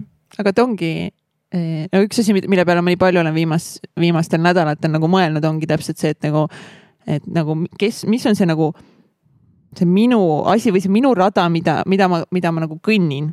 Ja need minu asjad et ongi, et nagu kas ma siis lõpuks olen nagu, kas mina olen päriselt siis see hommikuinimene või ma olen tegelikult ikkagi see õhtuinimene. kas ma olen nagu see või ma olen see, kas mulle toimivad need asjad või mulle toimivad need asjad, sest tegelikult nagu mulle võivad toimida tegelikult päriselt nagu hoopis teised asjad, mis on ka nagu mega okei okay. ja nagu me näeme, me juba siin, meil saab kohe sada saadet eh, salvestatud ja tegelikult nagu kõikidel on küll sarnaseid aspekte, aga nii palju erinevaid nagu lugusid, kuidas inimesed nagu töötavad, kes töötavad öösiti, kes ärkavad kell viis, kes teevad, on ju, et nagu mis on need minu asjad asjad, mida mina tahan nagu teha ja, ja vahepeal ongi lihtsalt see tunne, et ma tahan nagu võib-olla push ida liiga palju nagu mingeid asju, mis ma tahan, et toimiksid, aga tegelikult minu jaoks võib-olla ei toimi, ma võiksin hoopis katsetada ja proovida mingeid teisi asju, mis võivad minu jaoks palju paremini toimida. Ja siis ongi kogu aeg nagu sihuke nagu ma ei tea, aga tahaks, et nagu olekski nii, et ma Katseta. kogu aeg ärkan kell viis hommikul ja kuigi ma juba, juba kolmekümne aasta peale võiks aru saada, et nagu ma võib-olla tegelikult nagu päriselt ei ole hommikuinimene. Või ma pean lihtsalt päikse kätte kolima, sest suvati ma rohkem olen aga et noh, lihtsalt ongi see nagu noh, et mis see siis on see minu asi, vaata. ma arvan, et see tulebki lihtsalt väga selgelt läbi katsetamise enda leida üles need, et kindlasti kõik enesearengu raamatud ütlevad, et tuleb vara ülesse. aga see tõesti võib-olla nagu kõigile ei sobi ja leia enda asi, proovi, katseta sa saad alles siis öelda, et sa ei sobi, kui sa oled proovinud Abs. absoluutselt. ja endast tunnet ka tegelikult jälginud selle juures, sest tõesti nii palju tulebki väljaspoolt mm -hmm. soovitusi, kuidas kõik mm -hmm. peaks tegema, kuidas peaks elama no,. Katrin, no kell maja. viis, kõik on ju õige tõusta, sest niimoodi teeb üks edukas inimene mm. -hmm. aga võib-olla sinu edu võti hoopis peitub selles, et sina magad öö väga korralikult ära ja siis sa tõused ülesse, sa oled täis energiat ja nüüd sa oled valmis seda päeva vallutama vallutama hakkama ja sinu edu võib olla kordades veel suurem ja kõrgema lennuga. aga siis ja. me peamegi iseendaga aus olema ja ütlema, et vot, et see asi ikkagi ei sobi mulle aga me peame ka välja ütlema, et nüüd ma, nüüd ma teen niimoodi natukest aega mm. -hmm. Just, just.. ja siis ma pean uuesti ütlema, ma tegin nüüd nii natukest aega, aga teate, mis üldse ei sobi aga mulle. aga ma tahangi ma öelda, et kui sa kaks päeva ärkad hommikul kell viis ja ütled yeah., et see ei sobi mulle, siis see ei ole veel nagu ei argument, mille pealt need otsused langetada. üheksakümmend päeva see elustiil. Mhm. see on ikkagi see saja päeva, näiteks sada päeva on nagu, miks sada päeva on võib-olla hea jälle, see, see siin ka seda välja tuua, et see on hoomatav mm, -hmm. see on lihtne meelde jätta, kui sa mõtled, et kurat, mitu päeva mul see eesmärk oli, siis sada ei lähe vähemalt meelest. võtke sada päeva midagi, kuulge, kes meid kuulab, mis te, mis te võtate sajaks päevaks järgmise eesmärgi oh,? issand, me võtsime ju saja päeva eesmärgid eelmine aasta, me peame seekord ka võtma peame ma, ma arvan, et kusjuures me ei pea tegema mitte midagi. võime teha. me võime teha me ja, võime ja, ja üks asi, millest ma mõtlesin, et täna võiks ka rääkida, ongi nagu üldse nagu valikutest ja otsustest mm. -hmm et tegelikult me võime valida ja otsustada mm -hmm. nagu mhm. mida iganes mm -hmm. meie tahame. lihtsalt selle jõulude perioodi jooksul perega tekkis ka nagu lihtsalt arutelu just, et nagu kui palju me teeme nagu neid asju mida me arvame, et me peame tegema või me teeme nagu, et kellelgi teisel oleks nagu justkui ja endal on nagu lihtsalt mingi mm -hmm. fuck, ma ei taha teha, ma ei taha olla, ma ei taha, ma ei taha, ma ei taha ja me nagu surume ennast sealt nagu noh, kuigi me võiksime valida midagi mm -hmm. nagu endale ja mingeid asju, mida mina päriselt tahan teha. et just, et ma lihtsalt nagu noh, olen kuskil, kus ma ei taha olla. kas sul on mõni asi, mida sa tahaksid äh, mitte teha hmm,? see on hea küsimus. on asju, mida ma mida ma tahaksin mitte teha mm. -hmm. no ma võib-olla tahaksin juba nagu mitte nii palju tööd teha mm. -hmm, juba just. nagu, ma tahaks juba nagu. vilju eh, maitsta. jah, juba, aga noh, see on jah. nagu noh, aga ma, mina, ma, ma tänasel päeval teen nagu aina vähem teen nagu neid asju, mida ma ei taha teha mm. -hmm. ja nagu ja suhtlen inimestega kes on ägedad ja lahedad. täpselt ja, nagu mm. -hmm. ma arvan, et me tegelikult üsna palju teeme neid asju, aga kindlasti on mingeid nagu pisikesi detaile, mis, mis võiks veel äh, paremuse poole lihvida mm. -hmm. ja see on minu arust Katrini poolt nii hästi välja toodud, et mis on need asjad, mida mina ise ei taha teha mm. -hmm. et äh, ma isiklikult ka just tegelengi sellega hästi palju, et millega mina ei taha tegeleda ja kus ma taipan, et ma teen tegelikult asju sellepärast, et teised ootavad minult äh, või et aga ma ju teen seda hästi. mäletan seda, kui me Indrek Põldveega viisime läbi ühel nii-öelda startup'i üritusel sellise nii-öelda küsitluse, mõtlesime välja sellise nii-öelda küsimustiku nagu mm, nii-öelda eesti keeles siis inimese kasutusjuhend, persoguide, sellise asja mõtlesime välja. ja seal oli üks selline küsimus, et mis on see asi, milles sa ei tunne ennast nii tugevalt ja kui sul on võimalus ära anda, siis mis see oleks? ja ühe panga inimene ütles, et ürituste korraldamine oleks küll see, mille ma annaksin kellelegi teisele ja siis, kui pärast tegime tagasiside ringi, siis küsisime, et aga miks sa siis ei ole öelnud kellelegi, et näed, et see ei ole see sinu tugevus, mida sa naudid, see võtab sinult aega. ja pigem, kui sa nüüd oma tugevusele orienteeriksid oma tähelepanu, siis sa sealt saaksid palju suuremaid tulemusi tõenäoliselt ja tema vastus siis selle ürituste korraldamise juures oli see, et aga teised ütlevad ju, et ma saan nii hästi hakkama, eks ma teen ära siis. Mm.. ehk et jällegi see teiste järgi tegemine, et seda mina olen hästi aga kus siit läheb see piir, et, et kus tekib see arengu aspekt, et vaata, ma küll ei taha nagu teha, aga siis mm -hmm. tekib see pisike nagu kogemus, tekib areng, sa saad nagu heaks ja ma arvan, et kui me nagu kohakuti need asjad nagu läbi lõikame, siis me võib-olla ei saagi endale uusi kogemusi juurde mm. -hmm. et kuskile maale see kindlasti ongi väga hästi ja see õpetab ja just, arendab väga just. palju. aga nüüd tuleb vaadata, kui palju siis võrreldes nii-öelda sellega, kui palju sa sinna oma aega panustab, millest sa ei kavatse saada professionaaliks.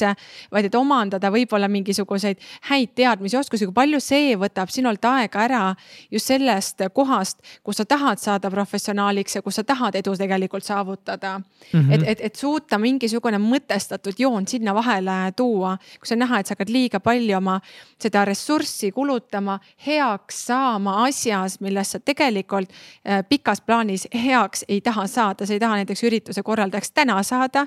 aga võib-olla viie aasta pärast tahan ürituse korraldajaks saada mm. -hmm. vot, et siis ma süübin sellesse viie aasta pärast. jah, hästi oluline on siin nagu mitte iseendale öelda rasketes olukordades, et aga ma ei taha teha neid asju ja ma annan kellelegi ära, sest rasked olukorrad on nii tähtsad, see, et et sul on raske ja sa ei saa hakkama, nii oluline elus, seda kõik inimesed, me vajame raskust oma ellu tegelikult.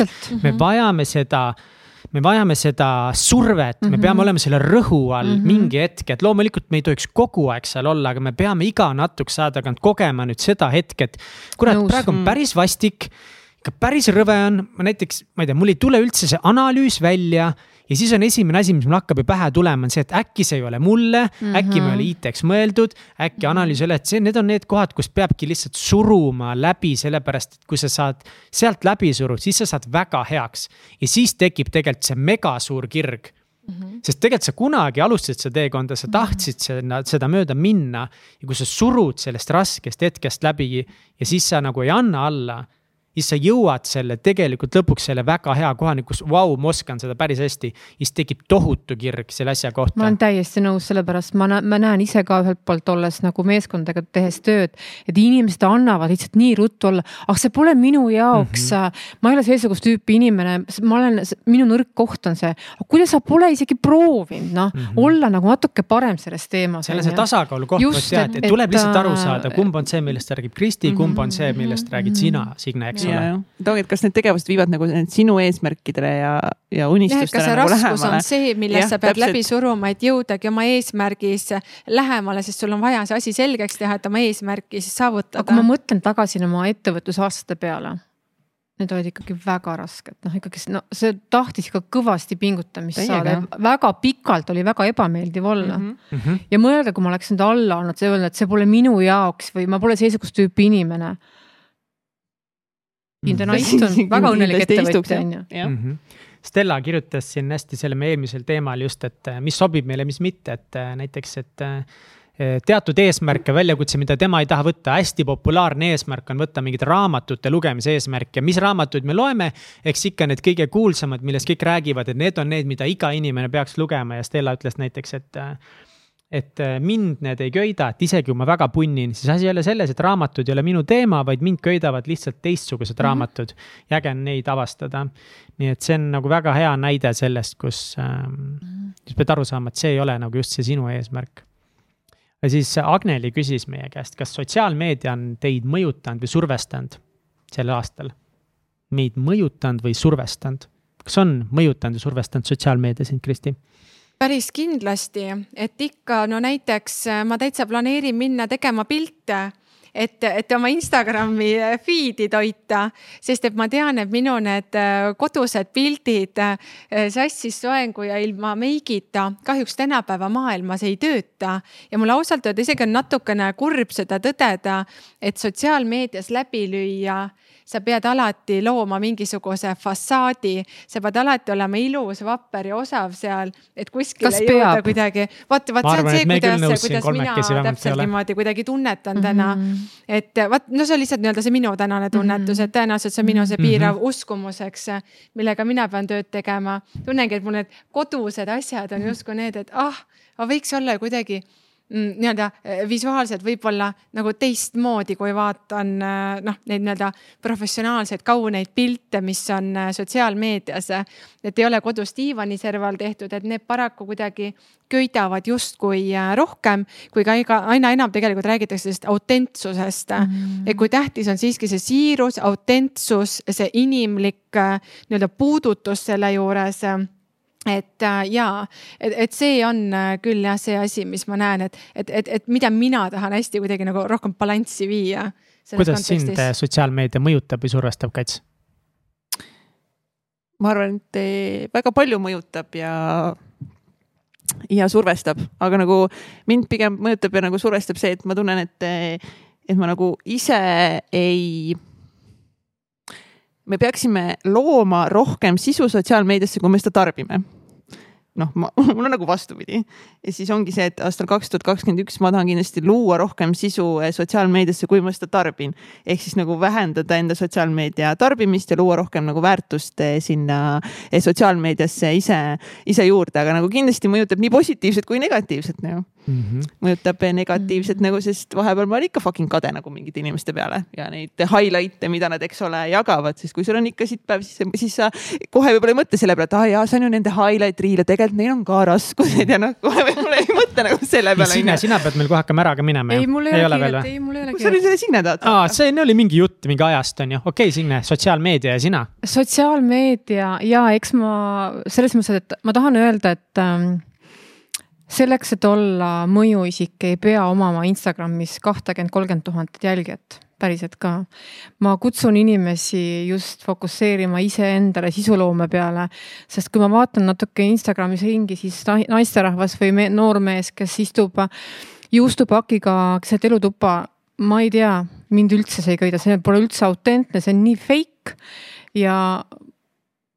aga miks üldse peab olema mõjuisik, miks üldse peab mõjutama kedagi läbi sotsiaalmeedia? ei peagi. ei peagi aga ma, mõtlen ka, kui me räägime sellest sotsiaalmeedias üldse on ju mm, -hmm. siis mulle meeldib ka autentsus, mul on mitugi pilti seal tegelikult üsna siuksed äh, kurvad on ju. ja minu, tõesti, ma hindan küll head pilti äh,, mitte üle filtreeritud, aga ma kunagi ei pane pilti, mis on mingisugune, ma ei tea, seina ääres, kus liisud paistavad, midagi seesugust. et mul on oma see maitses, maitsestiil paigas.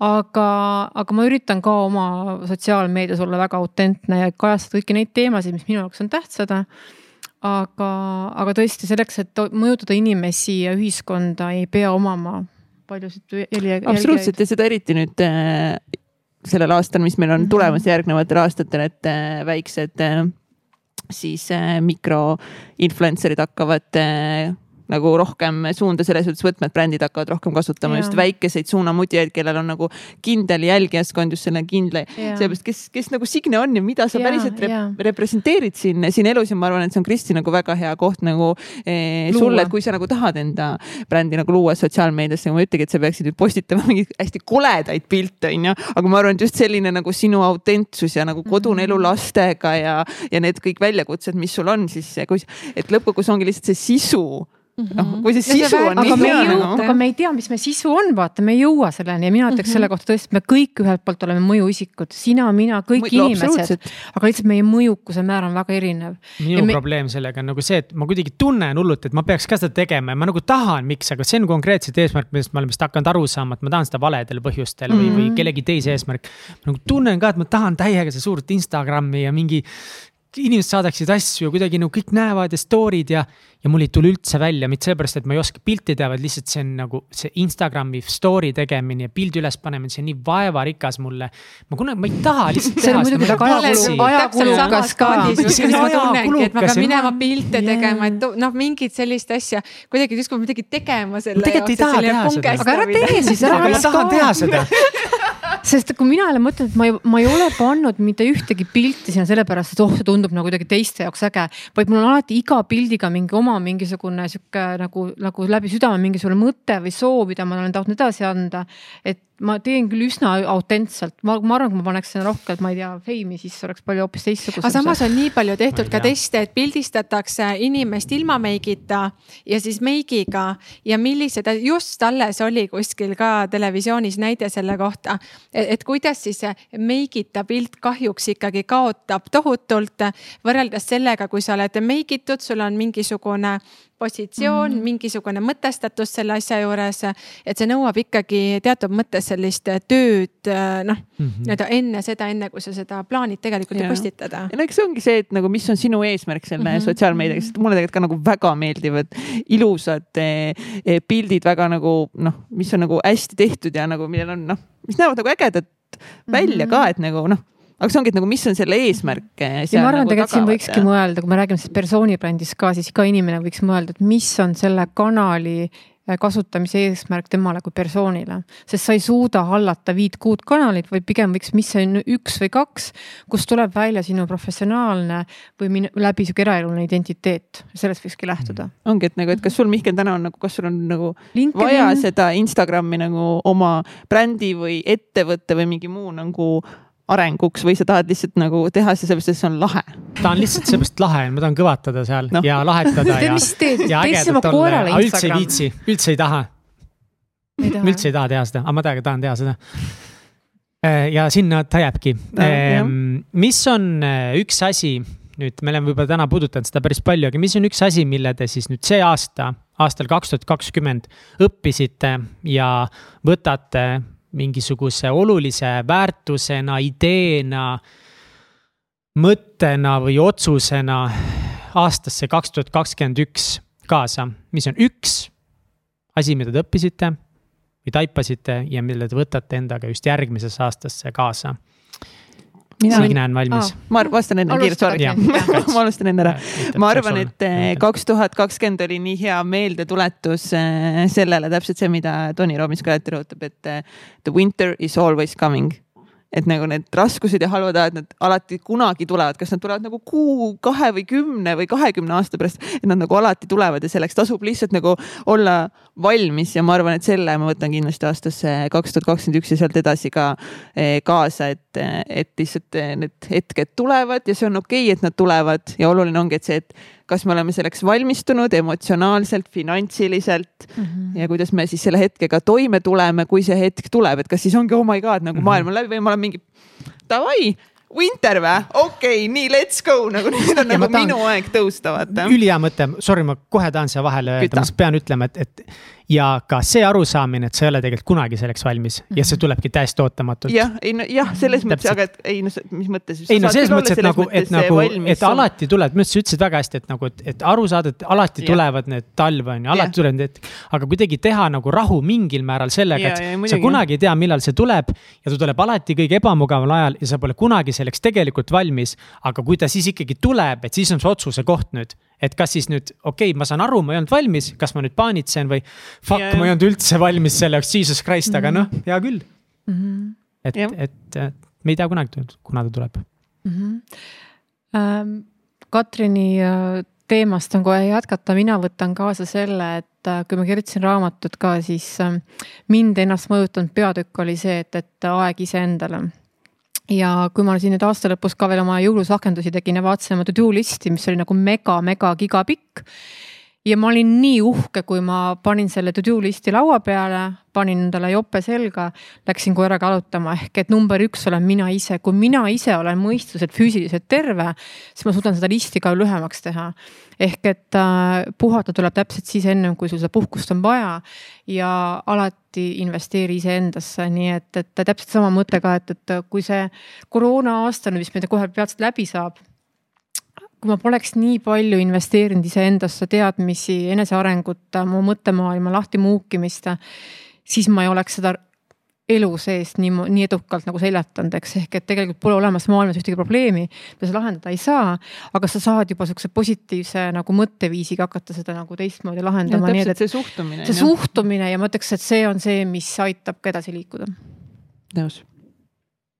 Et õppetund, õppetund kindlasti õppetund, hästi. taipamine, tõde mm. -hmm. et äh, see kindlasti ongi just see lihtne asi, et kõik vastused on sinu enda sees peidus tegelikult. Äh, on aega. ja et mm, -hmm. et see, et kõik vastused on sinu sees äh, peidus ja kui see vastus tahab tulla, siis tegelikult lase sellel vastusel tulla ja ära push'i vastu nende ratsionaalsete otsustega. et, et tõesti, kui sa tunned mingi asja suhtes, et see tundub õige ja see, ja see on nii hea tunne, siis, siis sa sellega kaasa lähedki. et, et see kindlasti on täna mind äh, nii-öelda aidanud teha neid õigemaid ja paremaid valikuid ja otsuseid ja mis ma võtan kaasa? ma võtan kaasa tegelikult eesmärgistamise ja ma võtan kaasa päris asjade ärategemise ja just selles mõttes, mis siis läheb nii-öelda kokku just selle uue ettevõttega. et ma päriselt nii-öelda kasvatan seda uut ettevõtet, et fookus noh, nii-öelda läheb hästi tugevalt siis sinna just selle eesmärgistamise mõttes et see on see õppimise koht, et tõesti kümne asjaga korraga tegeleda ei saa. mingid asjad lähevad riiulisse, mingid asjad tulevad fookusesse et, et see on kindlasti see minekukoht, sest see aasta oligi see õppetund, et ma leidsin selle, mis on minu jaoks hea ja õige. et nüüd järgmine aasta nende heade ja õigete asjadega edasi minna see on väga hea tõde. mina ei tea ära jama. tegelikult ei nagu noh, ma mõnes mõttes natukese see sinu tõde, millega sa alustasid, kõle, kõlas hea asi, mida kaasa võtta, võib-olla nagu üks asi, mis ma alguses tuli mul pähe kohe oli see, et ikkagi arusaamine, et et äh, kui ma ei tee nüüd mingeid olulisi otsuseid kohe varsti, et siis ma nagu lähen katki. et ma arvan, et see on see, mis paneb nagu mingisuguse tooni järgmisele aastale ja võib-olla ma võtangi selle selle teadmise kaasa iseenda kohta, et mida ma ei teadnud, vau, et otsuste, raskete, päris tähtsast, iseendale tähtsate otsuste tegemine on mulle väga raske mm. -hmm. ma ei teadnud seda enne, ma ei taibanud ja ma nüüd siis kuidagi hakkan seda lahendama. saab paremaks minna. jah. Vau. Mhm see, et sa tead, et, et sinu nagu nõrk koht on otsuste tegemine, on nagu nii suur teadmine mm, -hmm. millega lihtsalt ja. saad hakata kohe asju teistmoodi lahendama võib-olla lühike lugu ka, et ma sain selle niimoodi teada, et äh, kuna Helmes on ikka nii super tööandja nagu Vaati Katsil iga päev räägib. aga on, on tõesti on nagu, see on haige lihtsalt. see kogu kui... aeg nagu lihtsalt tuleb, tuleb jälle mingi, oh tead mis või ma sain nüüd selle, selle, selle nagu ma mingi davai, järgmised kümme aastat nagu tõmba nagu see nöör tõmbab mind jälle sinna tooli külge kõvemini kinni, eks ole, aga äh, ma osalen coaching'u programmis mm. -hmm ja coaching'u programmis siis äh, väga äh, vahva naisterahvas äh, minuga hakkas mingeid erinevaid harjutusi tegema, hakkas minema, loomulikult ma ei osanud see alguses välja öelda, mis on see üks täpne asi, mida ma nagu tahan saavutada sellega. seepärast, et ma ei taha ju valet asja öelda, on ju. Mhm. ja siis me tegime selle raames mingit nagu harjutust ka, et ma mingile tema asjale ma ei osanud vastata, nagu ma ei suutnud leida vastust, ta küsis minu käest, et okei okay,, Mihkel, aga et kui eh, mitme aasta pealt, noh, ühesõnaga, kui vana Mihkel küsiks sinu käest nüüd ühe asja, et ongi, kui mingi viiekümne aastane Mihkel küsiks sinu käest ühe asja mm, -hmm. Siis mis ta küsiks? ja siis ma mõtlesin ja mõtlesin ja tegin paar lolli nalja ja, ja keerutasin midagi, ütlesin, oi noh, mis sul süüa külmkapis on ja, ja nii ja naa ja siis läks nii kaua aega mööda, et ütles Mihkel, aeg on läbi. et äh, sa ei valinudki vastust. ja siis me kuidagi põrgatasime, Mihkel, sa ei suuda teha valikuid mm.. sellepärast, et kuidas ma valin selle ühe õige asja, mida ta siis küsib minu mm. käest. Väga hea harjutus. kartsid nagu millestki ilma jääda, vaata, et sa ei võta ühte ega teist, on ju. kits kahe heinakuhja vahel mm, -hmm. näksid ühest, näksid teisest mm. -hmm. vot wow.. Mm -hmm. ja sellega ütlesin kõik, mida mina öelda tahan mm. -hmm. väga ilus. väga ilus, nii et mõelge, mida te küsiksite, oota, mis selle viie no mis iganes, vana sina mhm. vana sina, no mhm. ütleme sina mingi kolmekümne aasta pärast. sa küsid iseendalt. Või noh, teine asi see, et kui sa oleksid näiteks äh, gümnasist, lõpetad sellel aastal gümnaasiumit, et äh, missuguse soovituse annaksid noorele minale? see on ka väga hea harjutus mm. -hmm.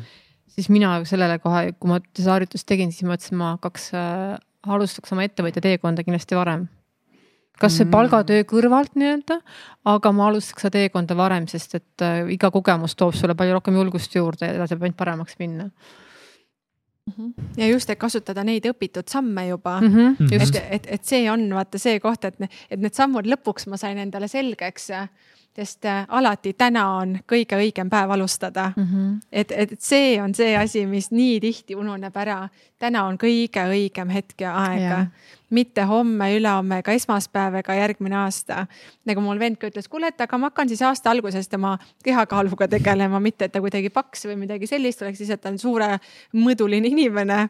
ja ma ütlesin, et aga ei, aga sa jätad täna selle koogi söömata juba et mitte ei hakka järgmine aasta sellega tegelema et.... aega on ju. aega on ja küll jõuab, järgmine aasta tuleb nagu. selle aasta lõpuni, selle salvestuse ajal on veel siin äh, kolmkümmend, kolmkümmend üks, kaks päeva veel, ehk siis võtke siis näiteks ja mõelge, mis on mm -hmm. siis olnud teie aastane tõed, mille te võtate järgmise aastasse kaasa, sest see only, oli väljakutsete rohke aasta, ma arvan kõikidel, et.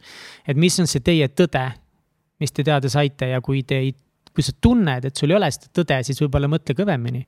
mis sellest arvad? jah ja mulle meeldis hästi see Shalini moodi üks mõte, et, et võtta igaks aastaks endale mingi sõna.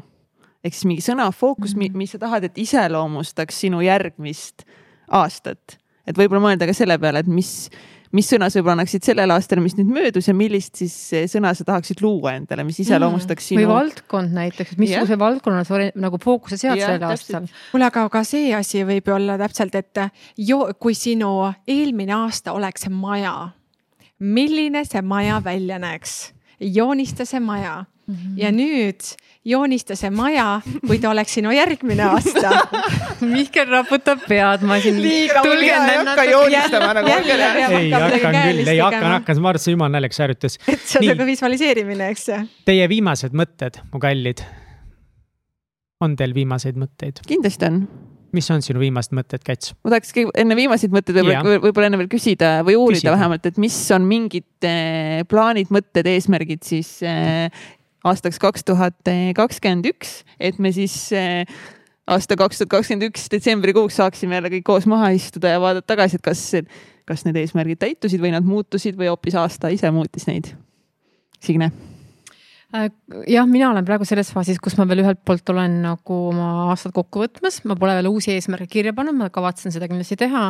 aga mul kindlasti on ettevõtluse koha pealt eesmärgid, et kuidas ettevõtet ja oma ettevõtlust teha nii, et, et see oleks, et see vajaks mind igapäevaselt. ehk et see skaleeritavus ja tahaks ikkagi olla oma talised kuud kuskil, kuskil mujal, kui mitte siin Eestis.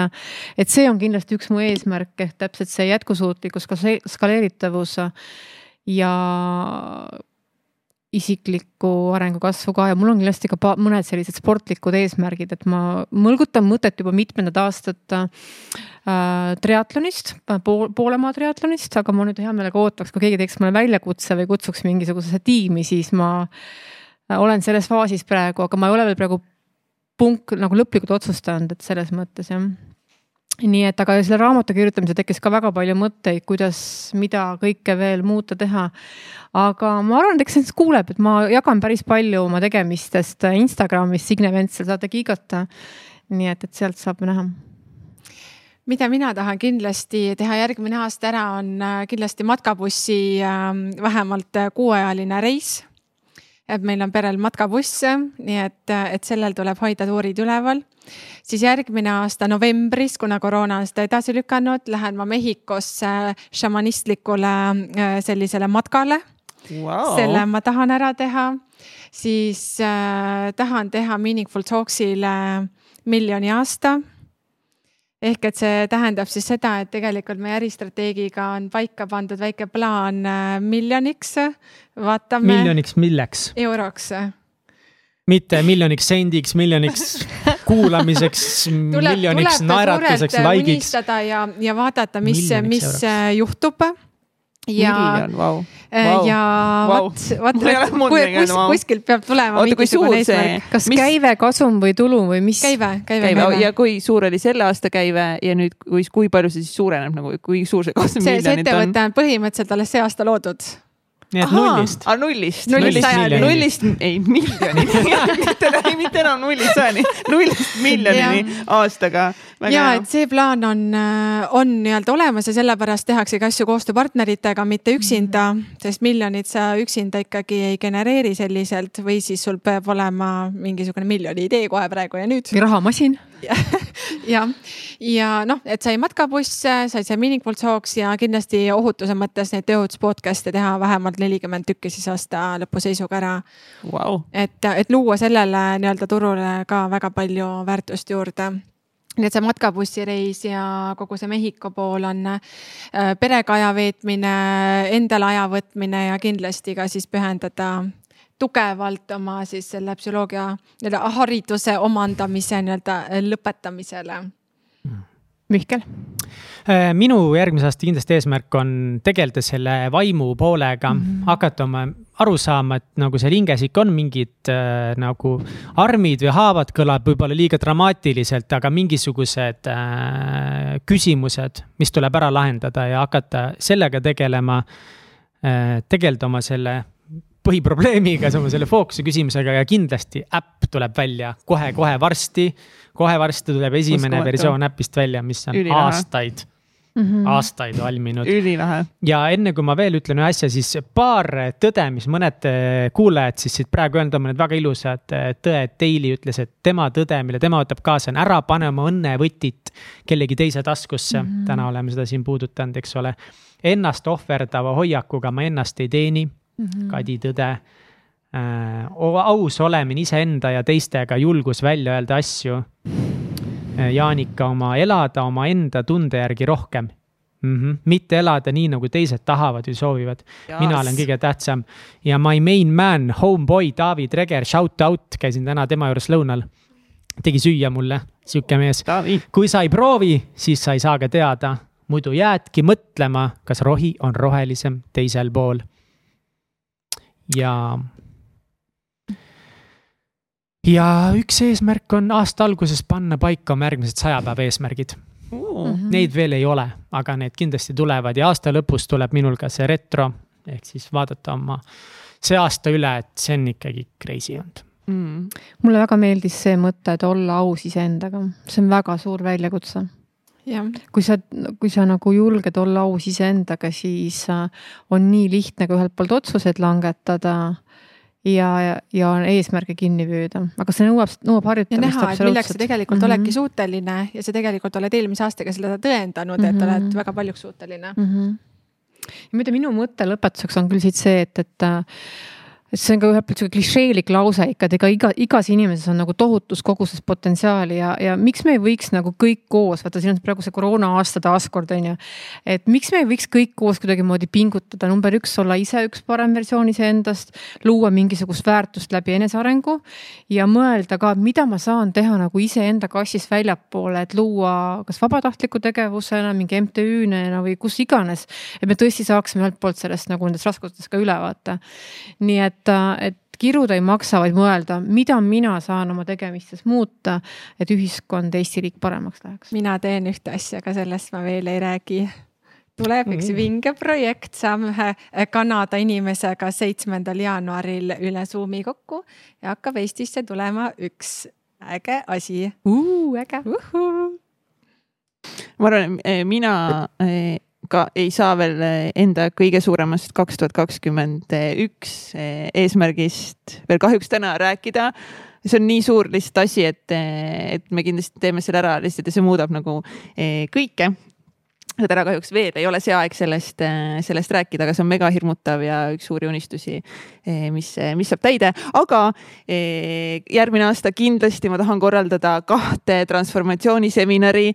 üks seminar leiab aset siis meil kolmteist veebruar ja see tuleb meil virtuaalsel kujul ja see ongi siis vundamendist ja siis tahaks kindlasti teha veel ühe transformatsiooniseminari siis sügisel, mis keskenduks siis vaimsele tervisele just, et need kaks asja kindlasti ja ma tahaks areneda just nagu ka siis eh, liidrina, et oma armsatele Täitsa Pekkis Akadeemia naistele olla parimaks eeskujuks. et eh, ja kuidagi nagu lihtsalt nautida seda kahte tuhat kahtekümmend ühte nagu mõnusalt nagu seigelda ja see on nii tore nagu vahemärkus, et lihtsalt nautida. me unustame vahel, mulle tundub kogu aeg selle nagu ära, et me nagu eesmärke, ma ei tea, sadu ja saavutust lihtsalt nautida, rõõmu tunda, parim asi oh, kallid eh, kuulajad ja vaatajad, eh, aitäh, et teie olete selle meile võimalikuks teinud. täna me oleme siin stuudios ikkagi väga suuresti tänu sellele, et te lihtsalt toetate meid ja me oleme lihtsalt nagu sihukeseks ägedaks brändiks eh, kasvamas. see teekond on meile alguses ja, ja koos teie ideede ja tagasiside ja kõige muuga me saame järjest paremaks, õpime järjest rohkem ja.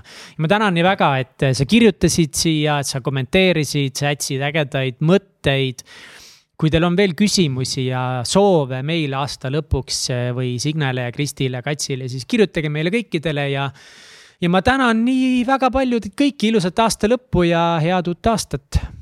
jah, ja kui sa nüüd kuulad seda podcast'i, siis ja kui see kõnetas sind vähemalt ühel-kahel-kolmel viisil, mida ma loodan, et see kindlasti tegi, siis jaga seda saadet nagu vähemalt ühe oma sõbraga või jaga mõnda muud täitsa pekkis äh, saadet, mis on sind sellel aastal kõige rohkem inspireerinud, sest ma tean, et väga paljud on öelnud, et kolmas hooaeg on olnud väga kihvt ja ma olen nõus, nii et jagage oma lemmiksaateid sellest hooajast, lemmikmõtteid ja mõnusat aastavahetust kõigile ja kaks tuhat kakskümmend üks, let's do this. rokib. Aitäh, Signe, aitäh, Kristi, aitäh. maraton stuudios!